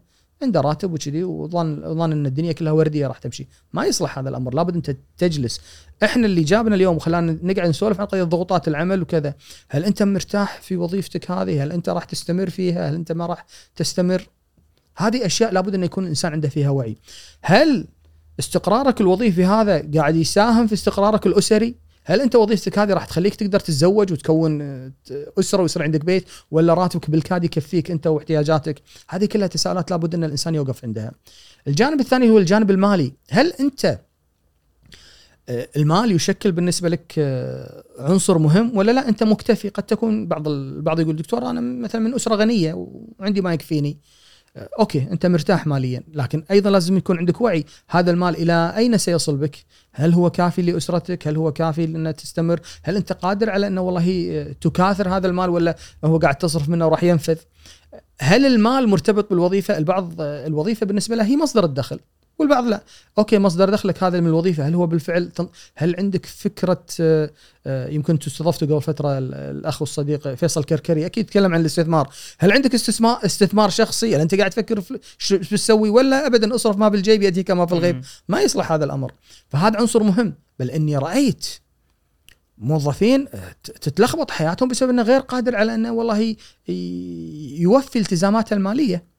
وتخيل بأنك أنت مضغوط ماليا وأسرتك مش قادر تلحق على الصرف عليها شنو بعد ذاك سيكون يعني عطائك في عملك؟ راح تتعب والأمور كلها تتلخبط. فاذا هذه أيضا المحور ال- اللي قلنا واحد اثنين هذا الثالث. المحور الرابع اللي هو التوازن الاجتماعي والتوازن العاطفي. علاقاتك بالناس من حولك في العمل وخارج العمل. هل أنت علاقاتك جيدة؟ علاقاتك إيجابية؟ علاقاتك قاعد تعود عليك ايجابا ولا تعود عليك سلبا؟ آه، بيتك أسرتك آه، شريك حياتك شريك حياتك آه، هل هو عنصر دعم ولا عنصر سلبي في حياتك؟ في بعض الناس عايش مثلا مع زوجته لكن ما هم على وفاق والعكس عكسا الزوجة مع زوج أبونا مجننا فايضا هذه الأمور. الدراسات أثبتت بأن عنصر السعادة الأهم في حياة الناس كان وجود شبكة الدعم الاجتماعي اللي يخلي الإنسان في استقرار نفسي وراحة ويطول عمره وتقل عليه الأمراض وجود شبكة دعم اجتماعي من حوله تدعمه نفسيا. فإذا كان الإنسان حول هذه الشبكة أصدقاء آه، يسعد بصحبتهم، زملاء متفهمين، علاقات جيدة، طبيعه الحال أكيد هناك أشياء سلبية لكن بالشكل العام إن هذه الأشياء كلها إيجابية ستكون عنصر داعم لك، تخيل بأنك أنت مضغوط في عملك. لكن ترجع البيت تجد أسرة داعمة. هذا راح يخفف عليك. مضغوط في عملك، ترجع بالبيت تلقى أسرة نكدية. طق من الصوبين. فأنت مضروب في العمل ومضروب في البيت وين تنام ما انت قادر تنام ترد ستسقط صريعا. فاذا الدعم الاجتماعي التفهم وجود صديق وجود آه، أسرة متفهمة أسرة مقدرة آه، هذا كله سيساعد على أن الإنسان يكون قادر على مواجهة الأعباء. العنصر الأخير في دائره الاتزان. بس اسمح لي دكتور آه أنا في شغلة أذكرها آه نعم. ما أدري أبيك تقول لي إذا تعرفها ولا لا وإذا تتفق معاها ولا لا. آه مر علي مرة دراسة إذا ما خاب ظني إذا ما خاب ظني مسويتها هارفارد آه، أو واحدة من هالجامعات العريقة هارفارد نعم. اللي تتكلم اللي طلعوا بتيد توك. نعم. آه، ما اذا مر عليك. اللي هي جيل بعد جيل بعد جيل كانت الدراسة تستمر من جيل إلى جيل اي هذه إيه هذه إيه هذه الدراسة اللي أنا قاعد اشير لها. هذه أثبتت بكل بساطة بأن أسعد الناس أو الناس اللي كانوا كان السؤال منو أسعد ناس إيه بالعالم إيه بالضبط. إيه هم الناس اللي كان لديهم شبكة دعم اجتماعي من حولهم. الناس اللي كانوا في أسرة ممتدة مستقرة وفي ناس من حولهم ولهم أصدقاء. الناس اللي كانوا مثلا عاشوا بشكل فردي أو انحرموا من هذا الأمر كانوا يجدون بأنهم الأكثر مثلا المشاكل الصحيه مهما كانوا أغنياء مهما كانوا هذا كان إيه اللي بالضبط. إنه آه فيه أيضا يمكن آه، أتصور يمكن نفس الدراسة. أثبتت بأن مسألة وجود المال م. إنه لا يشكل فارقا كبيرا. إذا كان عندك بداية عندك من المال ما يكفيك لأجل احتياجاتك الأساسية زين بعد ذلك مستوى السعادة وياك راح يصعد إلى أن يصل إلى حد معين. كان أذكر قالوا إنه 75 ألف دولار بما يعني تقريبا ما يقارب 20 ألف دينار كويتي يمكن. إن لو وصلت إنه صار عندك بالبنك 20 ألف دينار زين. بعد ذلك أي زيادات فوقها لا تغير كثير في في السعادة اللي أنت تحسها. لأن أنت أصلا فوق ال 20 ألف دينار تصير أنت كل مشترياتك هي الأكسسوارز الكماليات. صح. الأساسيات عندك. لكن طبعا المال مهم إنه على الأقل تكون عندك احتياجاتك. أنت مو مثلا محتاج تودي ولدك الطبيب وما عندك فلوس. هني لا المال يشكل أهمية. البعض يقول لما تسمع الكلمة بأنه يقول لك ترى السعادة مو بالفلوس. لا لا لا الفلوس مهمة إنها توفر لك احتياجاتك الأساسية. إنك أنت آه، الطبابة موجودة عندك آه، صحتك مأكلك مشربك آه، الأشياء الأساسية في في في نظرك أو في نظر محيطك. ثم بعد ذلك يصبح للمال تأثير طفيف على السعادة عندما يتجاوز اللي هو 75000 الحين يقول يمكن 100000 دولار تقريبا بحسب التضخم اللي صار.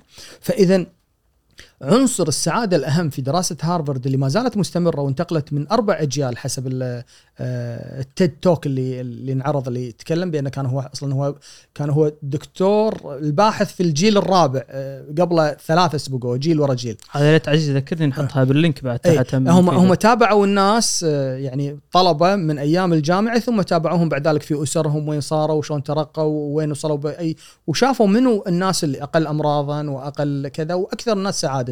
فوجدوا بين الناس الأكثر سعادة مو أصحاب الفلوس الأكثر ولا أصحاب المناصب الأعلى كذي وإنما الناس اللي عندهم شبكه دعم اجتماعي آه، أقوى من الآخرين. فاذا هذا العنصر اللي هو العنصر الرابع، العنصر الخامس في دائرة الاتزان الحياتي مسألة اللي هو التوازن الجسدي والصحي. الجسدي إن الإنسان يكون حصل على كفايته من الطعام وحصل الصحي وحصل على كفايته من النوم الصحي وحصل على كفايته من النشاط العضلي. أضف إلى ذلك اللي قلت لك اللي هو المحور الصحي مسألة إذا كان الإنسان عنده أمراض إنه بالفعل قاعد يعتني بأمراضه مثلا أنا مثلا عندي سكر هل أنا بالفعل قاعد أراعي هذا السكر ولا لا عايش في حالة إنكار والسكر قاعد يتدهور ويتدهور أو عندي ضغط وقاعد أنكر المسألة وعندي مشاكل قلبية وقاعد أنكر المسألة ما قاعد ألتزم بعلاجي وهكذا. طيب الحين راح تتبين هذه المعطيات النظرية شنو علاقتها ببعضها البعض. حتى تكون قادرا على سبيل راح أضرب أمثلة وتبين لك حتى تكون قادرا على مواجهة الأعباء الوظيفية أنت بحاجة إلى معرفة. الجانب الفكري اللي تكلمنا لابد أن تكون أنت متزن فيه. أنت بحاجة إلى آه، شهادة معينة أو تخصص معين. الجانب العلمي اللي قلنا فيه. حتى تكون قادرا على مواجهة الأعباء في الوظيفة أنت بحاجة إلى دعم اجتماعي. أسرتك لازم تكون داعمة. تكون موجودة تدعمك وتحس بتعبك وإذا اضطريت تتأخر بالوظيفة هي مقدرة لهذا الأمر إذا اضطريت أنت تغيب في عملك الخاص مثلا قاعد تكون مشروعك هي متفهمة بأنك أنت الآن في مرحلة التأسيس ولازم تدعمك وتقدر غياباتك وكذا فاذا نحتاج إلى الدعم الاجتماعي. حتى تكون قادرا على مواجهة أعباء الوظيفة المتطلبة لازم تكون أنت حالتك الصحيه جيدة. تخيل بأنك أنت ما عندك لياقة حلو. ووظيفتك إنك تكون معلم مضطر إنه يداوم ثلاث أربع حصص في اليوم ويقف أمام الطلبة كل حصة 50 دقيقة. وأنت ما عندك لياقة. شلون توقف ولا عندك مشاكل ولا كذا. فإذا لو تلاحظ الحين عديت لك كل عديت لك كل الأشياء اللي مرتبطة ببعضها البعض كل محور من محاور الاتزان يساعدك على إنك العطاء في وظيفتك. زين هذا جانب. حتى تكون مستقرا في أسرتك وقادر على العطاء لهذه الأسرة. لازم لازم تكون أنت في وظيفة جيدة تدفع لك بشكل جيد أو عندك القدرة المالية على الصرف.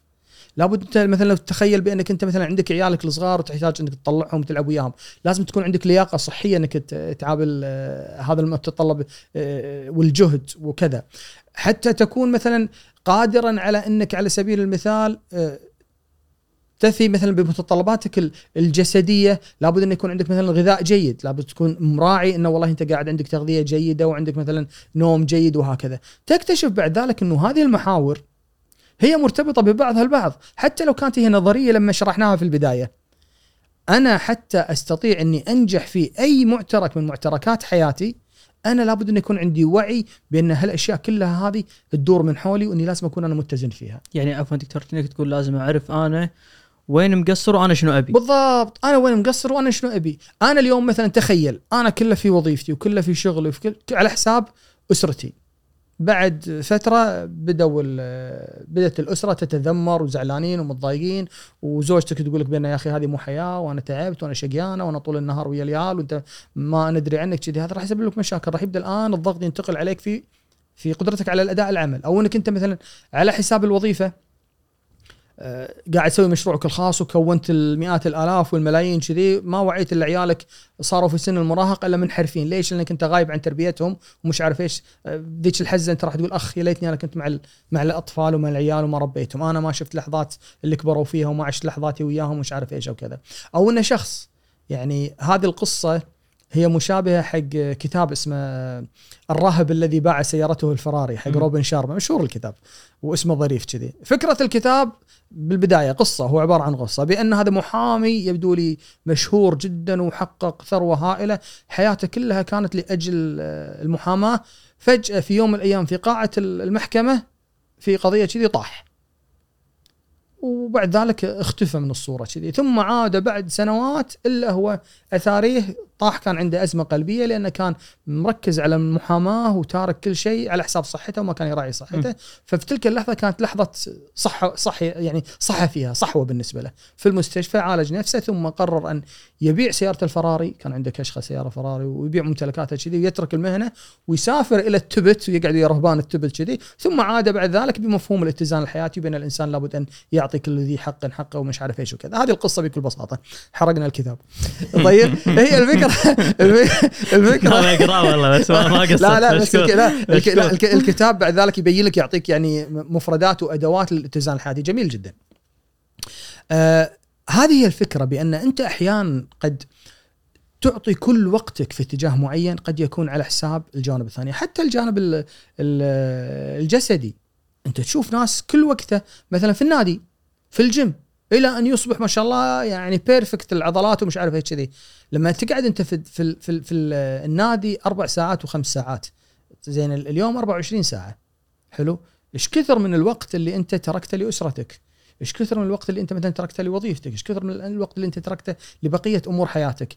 هل أنت واعي؟ هل أنت مدرك؟ أنا ما أقول هذا خطأ ترى ها؟ أقول بأنه لابد أن يكون هو متزن عارف بأنه هل هذا على حساب شيء آخر؟ قد يكون هذا الجسد اللي انت تشوفه الرائع أمامك يا ناظر من الخارج قد يكون هذا الشخص على حساب أشياء أخرى. ولهذا السبب دائما أنا أقول بأن لا تحكم على نجاح أي شخص من الخارج. النجاح لا يقاس بمقدار الثروة اللي عنده. لا يقاس بالم- بالمنصب الذي يتبوأه. لا يقاس بأنك شايفه والله سعيد ويا أسرته وطالعين مستانسين ويا بعض. لا يقاس مثلا بشكل الجسد ولا ولا الأشياء. لأن فيه جوانب عديدة من محاور الاتزان لابد أن ندرك آه، إنها موجودة. فبالتالي هالانسان وين مقصر وين معطي؟ كل إنسان هو القادر على الحكم على نفسه. أنا قادر على. ولهذا الطريقة ال exercise اللي إحنا نسويه بأن نحط دوائر الاتزان وقسمهم على الخمس آه، قطع سوهم شنهم شنها بيتزا شرايح البيتزا. وكل واحدة من هالخمسة اللي أنا ذكرتها عط نفسك درجة من وا... من صفر إلى عشرة. وبعد ذلك وصل النقاط هذه وشوف أنا وين مقصر وأنا وين مسوي زين. هل اللي سويت فيه زين كان على حساب أشياء ثانية؟ هل آه، سعي وراء المال الثروة اللي حققتها كان على حساب شيء آخر على حساب صحتي على حساب أسرتي على حساب منظومتي الأخلاقية؟ هل أنا كسبت المال هذا من حلال ولا من حرام. هل أنا حققته بطريقة أخلاقية ولا غير أخلاقية؟ هل هذه الوظ- الوظيفة اللي أنا وصلتها المنصب هذا اللي وصلت وصلته بطريقة شرعية وشريفة ولا بطريقة هذه مصيبة إنه الإنسان تصير عنده صحوة الضمير بعد أن يكون قطع شوطا طويلا في الحرام. شلون تنظف ال- المسار هذا؟ شلون تصحح تخيل أنت كونت ثروة بالاخير وصلت وصحيت بأن اللي سويته كله من حرام. هالفلوس شو أسوي فيها؟ إن- صعب. شلعتها ثروه صعب. ما يصير تصدق بشويه تبني مسجد ما يمشي الحكي فتعيش هني عاد الحين بالإشكال الض- الضمير تانيب الضمير والإشكالية النفسية وتدش الآن بصراع نفسي آخر. الوعي مهم من البدايات في كل مسار أنت تسلكه حتى تستطيع أن تحدد إلى أين سأذهب وشنو لازم أسوي. كل ما كان أبكر كان أحسن بعد صح؟ طبعا كل ما كان إيه. مشاركة معه ولهذا السبب ترى الإنسان يعني من يوم يعني أنا عيالي مثلا لما دخلوا الوظيفة توهم في بداياتهم. يعني اللي في مجال الهندسة اللي مجال ال IT كذي. فتقعد وياهم انت وتناقشهم وكذي. ويهمني دائما إني أحاول إني خلينا نقول أسلط الضوء على المنظومة الأخلاقية. إني أبني عندهم القيم العليا. لأن بعد أنت ما راح تكون وياهم في الوظيفة وما راح يرجعوا لك في كل شيء ولا راح ي... بكل شغلة راح يتخذون فيها قرار أو خطوة يسوونها راح أنت تعرف. لكن على الأقل تحاول أنت كولي أمر أنت كشخص مثلا مثلا عندك القدرة على التأثير. ها التأثير. أنا غير قادر على التغيير ولا التحكم. أنا قا... بس على التأثير. يعني تحكمي كان في صناعة التربية في البداية وهم صغار اني اكون على الأقل برمجتهم في في المعايير هذه كلها و... وأقول يا رب إن شاء الله إني استطعت إن الآن بس إني التأثير إني أناقشهم واقول لهم بأن ترى هذا صح وهذا لا أخلاقي وهذا غير صحيح وما عليكم من الناس واللي يسوونه. كلمتهم على سبيل المثال بأن الناس كلها تسوي كذي. وأصبح هذا عادي. قضية إني والله أبصم وأرجع البيت. يبقى كل الموظفين كذي كله ك... بس تقول هذا ما يصلح. هذا لابد إنه يكون بموافقة مديرك. أنت ما تقدر تطلع إلا لما يكون هو عنده علم. ما يصير أنت كذا. حتى لا يألفون الخطأ حتى لا يألفون الحرام حتى لا يألفون لا أخلاقي. بغض النظر عن العالم من حولهم شنو يسوي. وهذا التحدي بانك أنت كل ما كنت أنت في البدايات كل ما استطعت أنك على الأقل تبرمج نفسك يردنا الحكي حق بدايات حديثنا حتى موضوع معالجة الضغوطات في العمل قد ما أنت تحاول تعالج من البدايات من أول ما تطلع العلامات قد ما يكون العلاج أسهل من أنك أنت بعد ما تغرق السفينة تحاول أنك الحين تطفحها من إيدك. تصدق دكتور بس ذكرتني بشغلة عندي صديق آه، يشتغل تبي ناخ- ناخذ break دكتور إيش رأيك؟ لا لا أنا لأن عندي بس هذا التنبيه زين إيش رأيك اصب لك شاي ولا شيء؟ اي اعطونا break؟ إيه ناخذ break اي حاضر يلا هذا دكتور أنا مثال آه ذكرتني فيه وإحنا قاعد نسولف عن صديق عندي. آه فعادة إحنا يعني النجاح نقيسه على الأقل بالدائرة اللي أنا فيها انه والله فلان شنو منصبه حاليا. آه كم يستلم فهذا الشخص من توظف آه يمكن والله اعلم ما حاشته ولا ترقية زين. معاشه ما ندري كم بس ما ندري إنه مو بالشيء الكثير يعني. فدائما الشباب يلحون عليه إنه آه ها نشوف لك مكان ترى نعرف أماكن زينة هني فاتحين. دائما رد لا لا لا أنا مرتاح. يوم نبشنا معانا تعال شنو قصتك؟ فيقول يا أخي أنا البيئة اللي أنا فيها مريحة. علاقتي مع مديري ممتازة علاقتي مع الناس اللي حواليني ممتازة. واللي, ذكرني بهالقصة إنه هو دائما منتبه حق الجانب الأخلاقي. هو شخص أخلاقي. بس يقول الموضوع مو أنا يقول البيئة اللي أنا فيها. وهو يشتغل بمجال يقول إن ال- الفرص إن أنا أحتال على الناس جدا كبيرة. مم. بس يقول من الرئيس التنفيذي؟ لاصغر موظف موجودين عندنا؟ بوصلة الاخلاقيه عندهم 100% على. قولتهم. فدائما هذا الصديق يا أخي يعني احسده على المكان اللي هو فيه. إنه إنه مرتاح. ما ما تهمه أمور ثانية دام إن أنا بيئة مرتاح فيها. وموضوع الأخلاقي هذا اللي شدني إنه لأن أنا أعتقد مو شرط أنت تبوق. يعني ممكن أنت شخص ما تبوق بس إذا اللي حوالينك يبوقون أو أخلاقياتهم مو زينة أهم نفسيا ممكن يضرك أنت يعني. صحيح صحيح. هو طبعا مثل ما قلنا ما في قالب يسع الجميع. الناس احتياجات مختلفة. في إنسان آه، يحب الوظيفة اللي واضح بالضبط شنو مطلوب مني آه، آه، هذه صلاحياتي هذه متطلباتي هذا دوامي من الساعة الفلانية للساعة الفلانية. هو تركيبته كذي في إنسان لا يحب إنه ما حد يحاكيني متى أداوم الصبح أداوم على كيفي لكن ها اذا دشيت ترى أنا ما أطلع لين أخلص شغلي أو كذا هو يحب طبيعته كذي. هي بالنهاية ترجع للشخص هذا مثل ما قلنا ترى تقييم كل إنسان لمحاور الاتزان عنده إحنا ما ما نحكم. آه، فبالتالي هو يقيم. آه، صديقك هذا آه، لقى نفسه في بيئة مرتاح فيها. أنا مر علي شخص رفض ترقية. مرة. قالوا له بنرقيك حق منصب أعلى. قال لا لا ما ابي يا سيدي ترى راح يكون لك يعني معاش و... معاش أفضل وصلاحيات أفضل. قال لا ما ابي كذي. لما قعدنا ونبه شيء كان يقول أنا عارف الشغله هذه وياها مسؤوليات إضافية. يقول أنا ما أقدر على المسؤوليات ولا لي مزاج إني أدش فيها المسؤوليات. مم. أنا مكتفي. بهذا الأمر. راتبي مكفيني قدره الوقت اللي قاعد أعطيه هذا هو حدود عملي ما أبي أكثر من كذي وما أبي إني أشيل في بالي بإني أشيل بعد آه، ثقل إنه والله أنا مسؤول عن فلان وعلان وكذا. ما أبي هالأمر. بس نظرة المجتمع يعني للأسف السايد السايد عندنا إن هذا شخص غريب يسوي خطأ صح؟ غريب غريب الاطوار اي فلذلك أنت لا تحكم على الشخص أنت مو من حقك تحكم على الناس ترى أنت ما تدري في كلمة عند الأجانب إنه put yourself in his shoes ضع نفسك في في في حذائه أو في مكانه آه، في مكانه هو يرى الأمور بشكل مختلف. آه، مرة من المرات جاني موظف كان عندنا مهندس يعني كان قاعد يترقى بشكل جميل كذا إلا في يوم لم قدم استقالته. فانا طبعا يمر علي كل من يترك العمل لأن أنا أسوي له الفحص الطبي النهائي. فصديقي قلت له يعني أنت شنو قصتك؟ يعني أنت مهندس ما شاء الله وكذا وين رايح؟ يعني فرصة عمل ثاني كان يقول لا أنا تارك حق عملي الخاص. شنو عملك الخاص؟ كان يقول أنا بديت سويت لي سوبر ماركت أو بقالة عفوا سويت بقالة وكبرت السوبر ماركت وصار عندي منه فروع وصار عندي أكثر من سوبر ماركت وكذي وهذا فصار شغلي الآن أجد شغفي فيه وأبي أجابل يعني ترك الهندسة وترك الشهاده وجابل هذا أيضا قالب هذا الإنسان اللي وجد نفسه في عمله الخاص، في إنسان لا يبي يظل يشتغل بالطريقة النظامية، أنا مهندس وأظلني طول عمري أنا المهندس وأحصل على فبالتالي أنت ما تستطيع تحكم. آه على إنسان بأن هذا الشخص لابد أن يتصرف بهذه الطريقة. كل إنسان سيتصرف وفقا لوعيه، وفقا لإحتياجاته، وفقا لرغباته، رغباته ترى أحيانا نفسية ها؟ في إنسان ممكن يترك وظيفة براتب عالي لأجل وظيفة هو يلقى نفسه فيها ويستانس فيها. في إنسان يقبل وظيفة مثلا آه، الوقت المطلوب منه شوية أو التزامات لأن عنده أشياء الثانية بعد الظهر اللي يجد نفسه فيها سواء عمله الخاص أو شغفه هوايته هواية, هواية يمارسها. يطري علي آه، الهواية ترى شيء مهم جدا من عناصر الاتزان الحياتي لو تشوف هواية أي إنسان سواء كانت رياضية ولا فنية ولا أدبية ولا تجدها تقع بواحد من محاور الاتزان.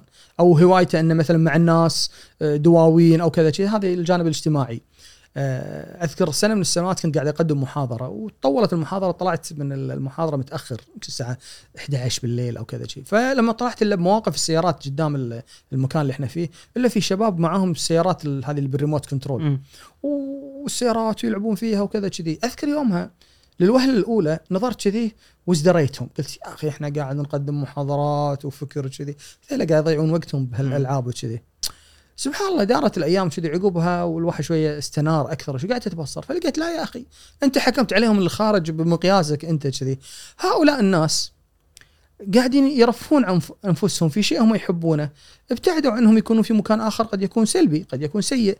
وبهذا الوقت اللي قضوه في هذه المتعة الترفيه يعودون لحياتهم الثانية بإيجابية وبقدرة على العطاء. يمكن باكر عنده دوام متعب لكن هو على الأقل الآن رفه عن نفسه شوية. فبالتالي ال ال ال ال الهواية أو مساحات المتعة أو مساحات اللي أنت تفضل إنك تعيش فيها تتواجد طالما أنها ما تخرق المنظومة الأخلاقية ولا تتجاوز على حلال أو حرام ولا تتجاوز على القانون فاذا فيها سعة وفيها مساحة. بل إنه إحنا نحض الموظفين على أن لابد لما نشوف عندنا مثلا قا- كقاعدة في العمل أن الموظف إذا طافت عليه سنتين ما أخذ إجازته السنوية نقول له لازم تاخذ اجازتك السنوية غصبا طيب. عليك تاخذها. وما في نظام انه تشتريها بفلوس. لا لا تروح أنت مجاز تطلع مجاز. لأن لابد إنه ياخذ هذه الراحة حتى يعود متجدد للعمل. الناس اللي يقضي كل وقته بالوظيفة ما يطلع إجازة تسأل نفسك انه تقول شو القصة؟ هل هذا بالفعل في وظيفة ولا هو أصلا هو في إجازة رغم إنه. ما قاعد يشتغل. لما فجأة تكتشف ان عنده رصيد إجازات إيش كثر كذي وما أخذها يعني في يحط علامات استفهام. الناس اللي هم ال work workaholics اللي هم مدمنين العمل اللي يلقى نفسه في عمله هذول مع الوقت راح يتعبون ويبدون يقعون في الأخطاء ويبدون يقعون في الضغط النفسي يبدون يسببون مشاكل لأنفسهم وللآخرين من حولهم. فلذلك هذا عنصر ال- الخطر والقلق اللي إحنا نخاف منه. بس دكتور مدمنين العمل هذول. يعني اليوم إحنا نشوف مو مجتمعنا بالذات إحنا بالكويت المجتمع العالمي كله يمجد هذول الناس. يعني أنت تتكلم فرضا عن شخصيات عالمية. لما تشوف مقابلة فرضا إيلون ماسك تسلا وجيف بيزوس لما يتكلمون عن بداياتهم إن إحنا شلون ما كنا ننام ما كنا ناخذ إجازات آه، ساعات توصل فينا لمرحلة ما عندنا فلوس ناكل ويتصورون يعني السؤال إنه إذا إذا أنت ما خذيت أو ما دفعت هذه الضريبة اليوم المجتمع يصور لنا الصورة إذا ما دفعت هذه الضريبة ما راح تلقى النجاح نعم. نفس هالعمالقة هذول اللي اليوم نشوفهم نعم. فشلون أنا أقدر أنا. أتخلى عن هالأشياء وألاقي النجاح لا ما في؟ ما تتخلى عن هالأشياء. أه، أرجعك مرة ثانية حق كلمة كثير أنا أكررها مسألة الوعي. الوعي الوعي وإدراك ماذا تقوم به الآن في هذه اللحظة. كل مشروع جديد كل شاب في بداية حياته في بداية مشروع آه، الوظيفي أو كذا يحتاج إنه يثبت نفسه ويحتاج إنه يعطي كثير من الوقت يحتاج إنه يمكن يعطي آه، وقت مضاعف. آه، مطلوب ومفهوم ومقدر ولا بد إن الأسرة من حولك إنك أنت تقعد ويا أسرتك ويا شريك حياتك شريكة آه، حياتك أو شريك حياتك إن تقولين يبا أنا عندي هالوظيفة عندي هالالتزام وهذا الأمر عشان يتأسس أنا أحتاج إني هالسنة هالسنتين إني أكون بهذه الطريقة وإني أعطي دوامي بدل الله يكون من ثمان للساعه ثنتين من ثمان الصبح يمكن ما أرد البيت إلا الساعة ثمان بالليل يكون هذا الوعي موجود ومدرك وتكون مدرك أنت إنه هذا اللي تقوم فيه على حساب إيش؟ سيكون على حساب أسرتي مثلا، على حساب صحتي لربما، إذا شلون أقدر أعالج هذه الأشياء بقدر ما أستطيع؟ ما تترك الأمور كذي خلها تحترق، شلون أعالجها؟ شلون أنا... أوكي أنا أسرتي ما قاعد أق... مو قادر أقعد وياهم يوميا، على الأقل أخصص لهم مثلا يوم بالأسبوع. واعطيهم دائما المصطلح اللي يقول لك اتس matter of quality rather than quantity، مسألة جودة الوقت الذي تقضيه مع الأسرة وليس بالضرورة طول الوقت. يعني في إنسان يقعد ويا أسرته ست ساعات وهو ساهي عنهم ماسك تليفونه مو وياهم. وفي إنسان يمكن يقعد ويا عياله أو أسرته ساعتين لكن وقت يعني آه، رائع جدا وهو مركز وياهم. فبالتالي لابد أن يكون عندك وعي خلال هذه الفترة اللي أنت قضيت فيها ساعات طويلة في العمل من أجل تأسيس مشروعك من أجل النجاح ال- ال- اللي أنت تسعى له. على حساب إيش؟ على حساب صحتي. طيب شلون أقدر أراعي صحتي؟ إيلون ماسك وغيره وغيره وغيره كذي. تلقاهم مثلا في بيئة العمل هناك وسائل للمحافظة على الصحة. تلقى عندهم جمات داخل كذا أو انه في عندهم مثلا ممشى طول ما هو مقابلاتهم أو خلينا نقول اجتماعاتهم وهم يمشون أساس إنه يراعي مسألة الصحة والأشياء هذه كلها. عندهم وعي وإدراك لهذه الأشياء. فيه نماذج شفناها؟ آه، اسماء رنانة اللي قضوا هذا الوقت. شوف حياتهم. طبعا انت قصص النجاح دائما تركز فقط الكتب والأشياء هذه على على ملمح النجاح. ما تبين لك القصة ما وراء ذلك. رئيس أبل الراحل ستيف جوبز. مم. لما تقرأ سيرة حياته كذي تلقى حياته الاجتماعية متكركبة على الآخر. فبالتالي هو نجح لكن على حساب إيش كان؟ على حساب مثلا الحياة الاجتماعية. عنده كان عنده مشاكل اجتماعية فلان من الناس عنده كذا. فبالتالي من الصعب إنك تحكم وأرجعك مرة ثانية على تعريف النجاح. تعريف النجاح ليس بملمح واحد وإنما هل الإنسان بالفعل يقيم نفسه وهو من الداخل إنه ناجح؟ المشاهير اللي نشوفهم اليوم أصحاب الملايين وأصحاب الشهرة هل هم مرتاحين على الجوانب الأخرى؟ هم القادرين على الإجابة على هذا السؤال. فبالتالي أنت لا تحكم على الناس من الظاهر. أرجعك مرة ثانية حق سؤالك على أساس إني أكون إجبته بطريقة صحيحة إنه مقبول ومفهوم إن الإنسان قد يبذل جهدا مضاعفا قد يقضي وقت طويل في عمله في بدايه سنوات التأسيس في فترة معينة ويكون ذلك على حساب أشياء أخرى لكن لابد أن يكون واعي وعارف إيش قاعد يسوي حتى يعالج هذه الأشياء. وأيضا أن لا تكون هذه طريقته طول العمر. طول عمره حارق نفسه لأجل الوظيفه أنت وين رايح؟ لأجل ماذا؟ يعني أنت إيش قاعد تسوي بنفسك؟ عشان تحترق لآخر لحظة ما يصلح. متى ستقطف الثمرة؟ متى أهلك راح يقطفون ثمرة هذا الجهد اللي انت قدمته؟ فهذه النقطة اللي نقول عنها إن يكون هناك وعي لمسألة الاتزان. أنا مثلا مضطر إني أسافر أدرس بالخارج، طبعا راح يكون على حساب أسرتي. لكنها فترة معينة أنا راح أدرس ثلاث أربع خمس سنوات وبرجع، مو طول عمري أنا سايح في البلاد ما فهمت شلون؟ فهي هذه النقطة. حتى في الدين في الدين إحنا مثلا إحنا فيه نهي عن الرهبانية في الدين لا رهبانية في الدين إنك تترك كل شيء وتعتكف لأجل الدين. أصوم وأفطر وأتزوج النساء فبالتالي هذا الرسول عليه الصلاة والسلام كان يقول ذلك أني أنا أعيش حياتي نعم أقدم للدين ولكن أيضا أقدم للدنيا. إيه، دكتور ذكرت نقطة بصراحة يعني أنت أكيد عشت الموجة اللي عشناها مو بس على مستوى الكويت كان حتى على مستوى دول الخليج اللي اليوم آه، الشخص الناجح هو الشخص اللي أسس عمل خاص فيه. نعم. بس شدتني نقطة إن أنت تقول انه مو شرط العمل الحر يناسب كل شخص، في ناس محتاجين عمل نظامي. يعني صحيح. هذه ما ما أدري أول مرة أسمعها صحيح. يعني. إي طبيعي. في ناس أصلا هو لا يمتلك الخصال القيادية. لا يمتلك الخصال آه، إنه هو يؤسس شيء من الصفر، هو يصلح أن يكون عضو فريق ناجح. مو كل الناس قادة. ولكن هو يحتاج إنك تقول له يبا وظيفتك تبدأ الساعة الفلانية تنتهي الساعة الفلانية مطلوب منك تسوي واحد اثنين ثلاثة أنت تخطط لك كل شيء يؤدي لك من أبدع ما يكون. هذا لا يصلح إنه هو يترك ويروح يصير هو يؤسس عمل ما ما يعرف. فبالتالي مو كل الناس بهذه الطريقة ولهذا السبب يفترض بأنه لا يقفز أحد إلى مثل هذه المخاطرة اللي تتطلب منه إنه مثلا يترك عمله دون أن يكون أصلا يجد في نفسه القدرة واختبر نفسه بشكل من الأشكال على تجارب معينة يشوف هو هل هو قادر على آه، إدارة عمل مستقل قبل أن يغامر بكل مصير حياته في مثل هذه القفزة، هذه مهمة جدا. آه، مهم جدا أيضا أنه الإنسان ما يقفز عن مصدر الدخل المضمون إلى مصدر الدخل غير المضمون. يعني لا يوهق نفسه بهالشغله هذه. بس اليوم دكتور أنت تكلمت إن في ناس ما تلقى الرضا على مستواها العلمي آه، أو أو قدراته داخل داخل إطار العمل اللي هو فيه. طيب إذا أنا خذيت شهادة اليوم أنا مهندس واشتغلت في مكان يخص شهادتي هذه شنو ممكن أسوي أكثر إذا أنا أحس في هذا النقص؟ سؤال حلو. آه، من الأشياء اللي آه، كثير من الناس ترى ما ركزت عليها اللي هي فكرة بأن ترى كليات التخصصية كلية الهندسة كلية الطب كلية مثلا المحاسبة أو كذا يعطونك العلم الأكاديمي في التخصص وبعد ذلك يقذفون بك إلى سوق العمل. م. سوق العمل صدق يبي منك التخصص لكن يبي منك شغلات ثانية بطبيعة الحال. على سبيل المثال أضرب مثال في نفسي أنا. أنا طبيب. لكن لما دخلت إلى سوق العمل في البداية دخلت يعني في كطبيب في عيادة في جناح أتعامل مع المرضى أخذت التخصص أصبحت الآن جزء من إدارة الصحة المهنية. فجأة دخل علي الآن في جوانب إدارية مطلوبة مني بالإضافة إلى كوني أنا طبيب. يعني أنت في كلية الطب كان في بالك وتصورك دائما لين تخرج بأن أنا راح أتعامل مع مرضى وأعطيهم أدوية وأعالجهم وكذا.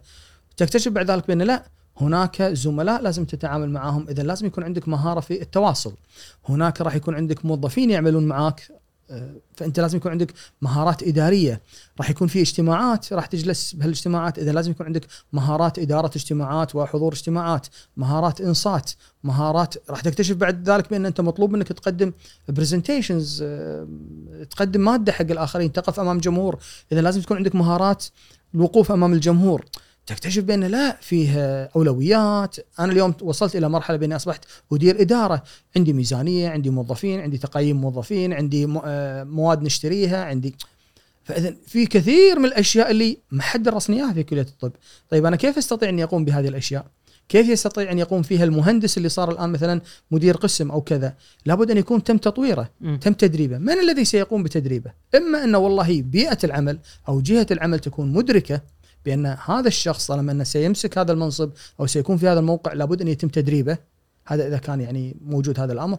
أو أنه لا لابد أن الموظف نفسه الشخص نفسه يدرك أهمية أنه يدرب نفسه ويطور نفسه وأنه المسألة لم تتوقف عند الشهادة اللي أخذها وتوظف على أساسها. فاذا مسيرة التدرب، مسيرة التعلم، مسيرة التطور في الجانب الفني يعني أنا كطبيب الآن يوميا هناك بحوث وتطورات في مجالنا. أفكار جديدة تحديات جديدة أدوية جديدة مسائل جديدة لابد أن نكون ملمين بما يدخل في صميم عملنا. وأيضا لابد أن يكون تطورت على الجوانب اللي هي المهارات ال soft skills المهارات آه، ما أدري شنو ترجمتها لكن خلينا نقول المهارات الإدارية المهارات الخفيفة المهارات ال- ال- السهلة أو السلسة هذه. هذا اذا يلقي مسؤولية علي أنا إني أشوف وين مواطن القصور اللي عندي أو المواطن التي أحتاج إني أتطور فيها.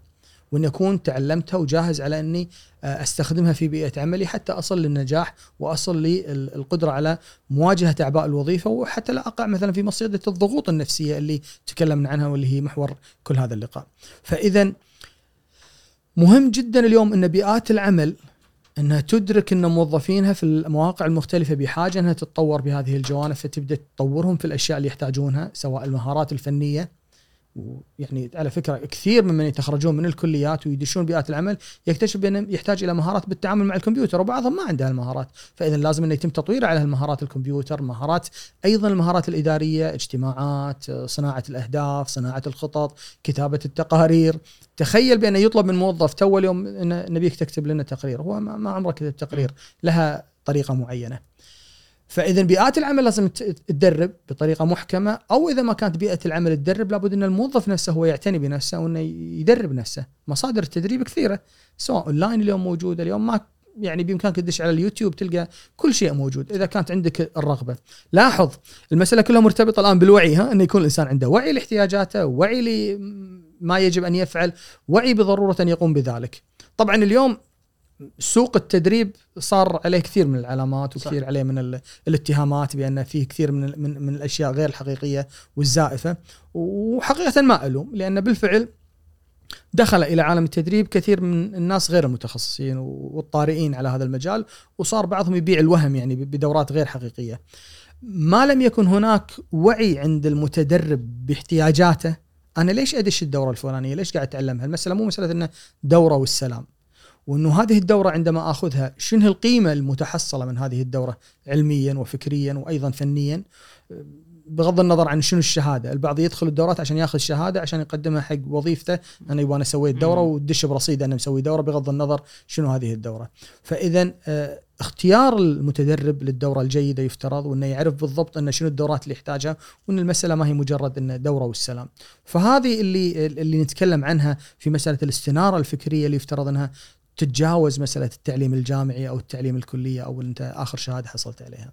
أنا دكتور آه تقريبا خلصت بس طرأ على بالي سؤال يعني أنا باخذ منك تشخيص آه إيه. ببلاش ما يعني الله- تحت أمرك. جزاك الله خير عندي شخص توني ذكرت بصراحة يقول أشوفه أنا يعني مجهد نفسه بالدوام مجهد نفسه بشكل جدا كبير والغريب ان هذا الشخص ما قاعد يجهد نفسه بقصد أن أنا أحصل على ترقية ولا أحصل على المادة نفسها.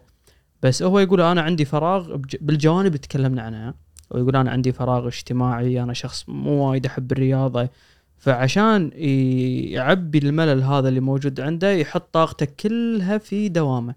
فودي أعرف هذا الشخص اليوم اللي قاعد يسوي شيء صحي شلون إذا مو صحي شلون يعالجه شوف هي هي النظرة المبدئية قاعد يقول انه لابد من الاتزان، لابد من التوازن، لابد بأن آه، يعبي هالفراغات بالطريقة الصحيحة، الجانب الاجتماعي لابد أنه يعالجه، مو يترسب بشيء آخر، مم. لابد أن يكون هناك دعم اجتماعي لأن هذا الشخص قد يكون اليوم هو قادر على أن يقوم بهذه التركيبة بهذا الشكل لظروفه ال- العمر الآن. عمره مناسب آه، صحته مناسبة لكن كل ما تقدم فيه العمر كل ما تغيرت المعادلة وكل ما صارت الاحتياجات مختلفة آه، سيصبح الآن الجسد له حكم آه، الصحة لها حكم. إذا ما كان هو مراعيها أساسا من قبل الآن يصعب. يعني أنا أعطيك مثال. آه، آه، الشخص اللي طول عمره بالرياضة من صغره كذي هذا يظل فت ورياضي لعمر متقدم كذي. تخيل واحد لين صار عمره 40 سنة قرر الآن يبدأ رياضة. الحين مو إنه ما عنده لياقة. الحين عظامه ما تساعده. آه، خشونه. وترهل وسمنه وكذا كذي. فهذا مشكلته الآن صحية وليس مشكلة لياقة. هذاك صاحبنا إذا غاب عن النادي مثلا خلينا نقول أسبوعين يرد بس عاسرة اللياقة بعدين على طول يرد مرة ثانية. هذا صاحبنا لا هذه مشكلته أكبر. فهو نفس الطريقة. هذا الشخص لو افترضنا إنه بعد سنوات في مرحلة معينة حس بان لا الآن لابد إني أراعي صحتي إن الرياضة اللي كنت أنا ما أحبها لازم الحين لازم أمشي لازم أتحرك وكذا. يجد بان الآن عنده معوقات صحية تمنع من أداء الرياضة. فإذا لابد إن نشوف. طبعا مو لما أتكلم عن دائرة الاتزان ما أقصد بان كل الناس ماخذة 10 على 10 بكل المحاور. وإنما تكون الناس ماخذة درجة مقنعة ناجحين يعني إلى حد جيد جيد جدا. فبالتالي لما تقول إنه لابد أن تكون الرياضة جزء من حياة الإنسان مو بالضرورة أن كل الناس عندهم اشتراك بنادي ويوميا هو يقعد ساعتين وثلاثة بالنادي ولكن على الأقل يوم وترك هذا الوصفة الصحية يوم وترك يمشي ما لا يقل عن 45 دقيقة مشي سريع. هذا للحفاظ على صحتك بمستوى جيد. وإنه نظامك الغذائي أن يكون نظام متزن من كل الأنواع بحيث إنك أيضا لا يؤدي بك إلى السمنة ولا يؤدي بك إلى الهزال. ما تأخذ كلها بروتينات على حساب النشويات ولا كلها كربوهيدرات على حساب هكذا. فاذا هي مسألة التوازن. هذا الشخص يمكن اليوم ماشي معاه بالطريقة لكن في لحظة معينة راح يصحى ويكتشف بان ها أنا إيش سويت بعمري؟ حينها سيصعب العلاج. أنا الحين قاعد أحكم ترى من الظاهر لكن تظل كل حالة تحتاج إنها تدرس بقدرها ونسوي لها دائرة الاتزان ونشوف وين مواطن القصور ونفهم منه لما يقول أنا مثلا ضعيف اجتماعيا نعرف شو المقصود فيها وشلون نقدر نطورها. لأن في ناس مثلا ما يحبون دواوين ما, ما نلزمه بالدواوين لكن هل أنت متواجد مع الآخرين؟ هل أنت بالفعل لك عطاء مع أسرتك وهكذا؟ إيه، دكتور بس اللي حاب إنه يعني اليوم إحنا تكلمنا بشكل بسيط أعتقد يعني الموضوع وايد أعمق من صحيح. كذي فاللي حاب إنه يتعمق أو يقرأ زيادة عن هذا الموضوع يعني عندك كتب تنصح فيها شغلة معينة والله اللي شو هذا السؤال اللي كنت خايف إنك تسألني إياه إيه. المكتبة العربية آه، يعني في موضوع الاتزان الحياتي آه، حتى الآن ما زالت ما هي غنية، ما فيها كثير كتب عن هالمسألة هذه، لكن الكتب الأجنبية كثيرة حقيقة في هذا الموضوع ال work life balance، بس حط المصطلح work life balance تلقى كتب أفضل. اثنين عندك أنت شوف آه، آه، يعني ذكرنا واحد إحنا صح؟ إحنا الراهب الذي باع سيارته الفراري هذا مال روبن شارما جميل جدا ومترجم ترجمته مكتبة جرير يمكن ترجمة لك عليها لكن بشكل عام جيد. آه، آه، فيه في موضوع ال soft skills والمهارات الإدارية إذا واحد وده يقرأ فيها أنا أشوف إنه كتاب العادات السبع مال ستيفن كوفي ممتاز جدا وأيضا مترجم. ال work life balance للأمانة ما يحضرني الآن إذا في شغلات ترجمات أو حتى ما يحضرني أي كتاب. لكن باليوتيوب في مقاطع كثير مترجمة عن ال work life balance إدارة الاتزان.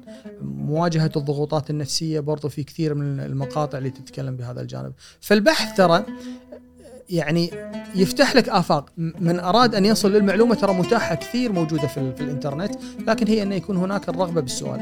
أنا بالنسبة لي السؤال أهم من الإجابة. طالما عندك السؤال أنت راح توصل.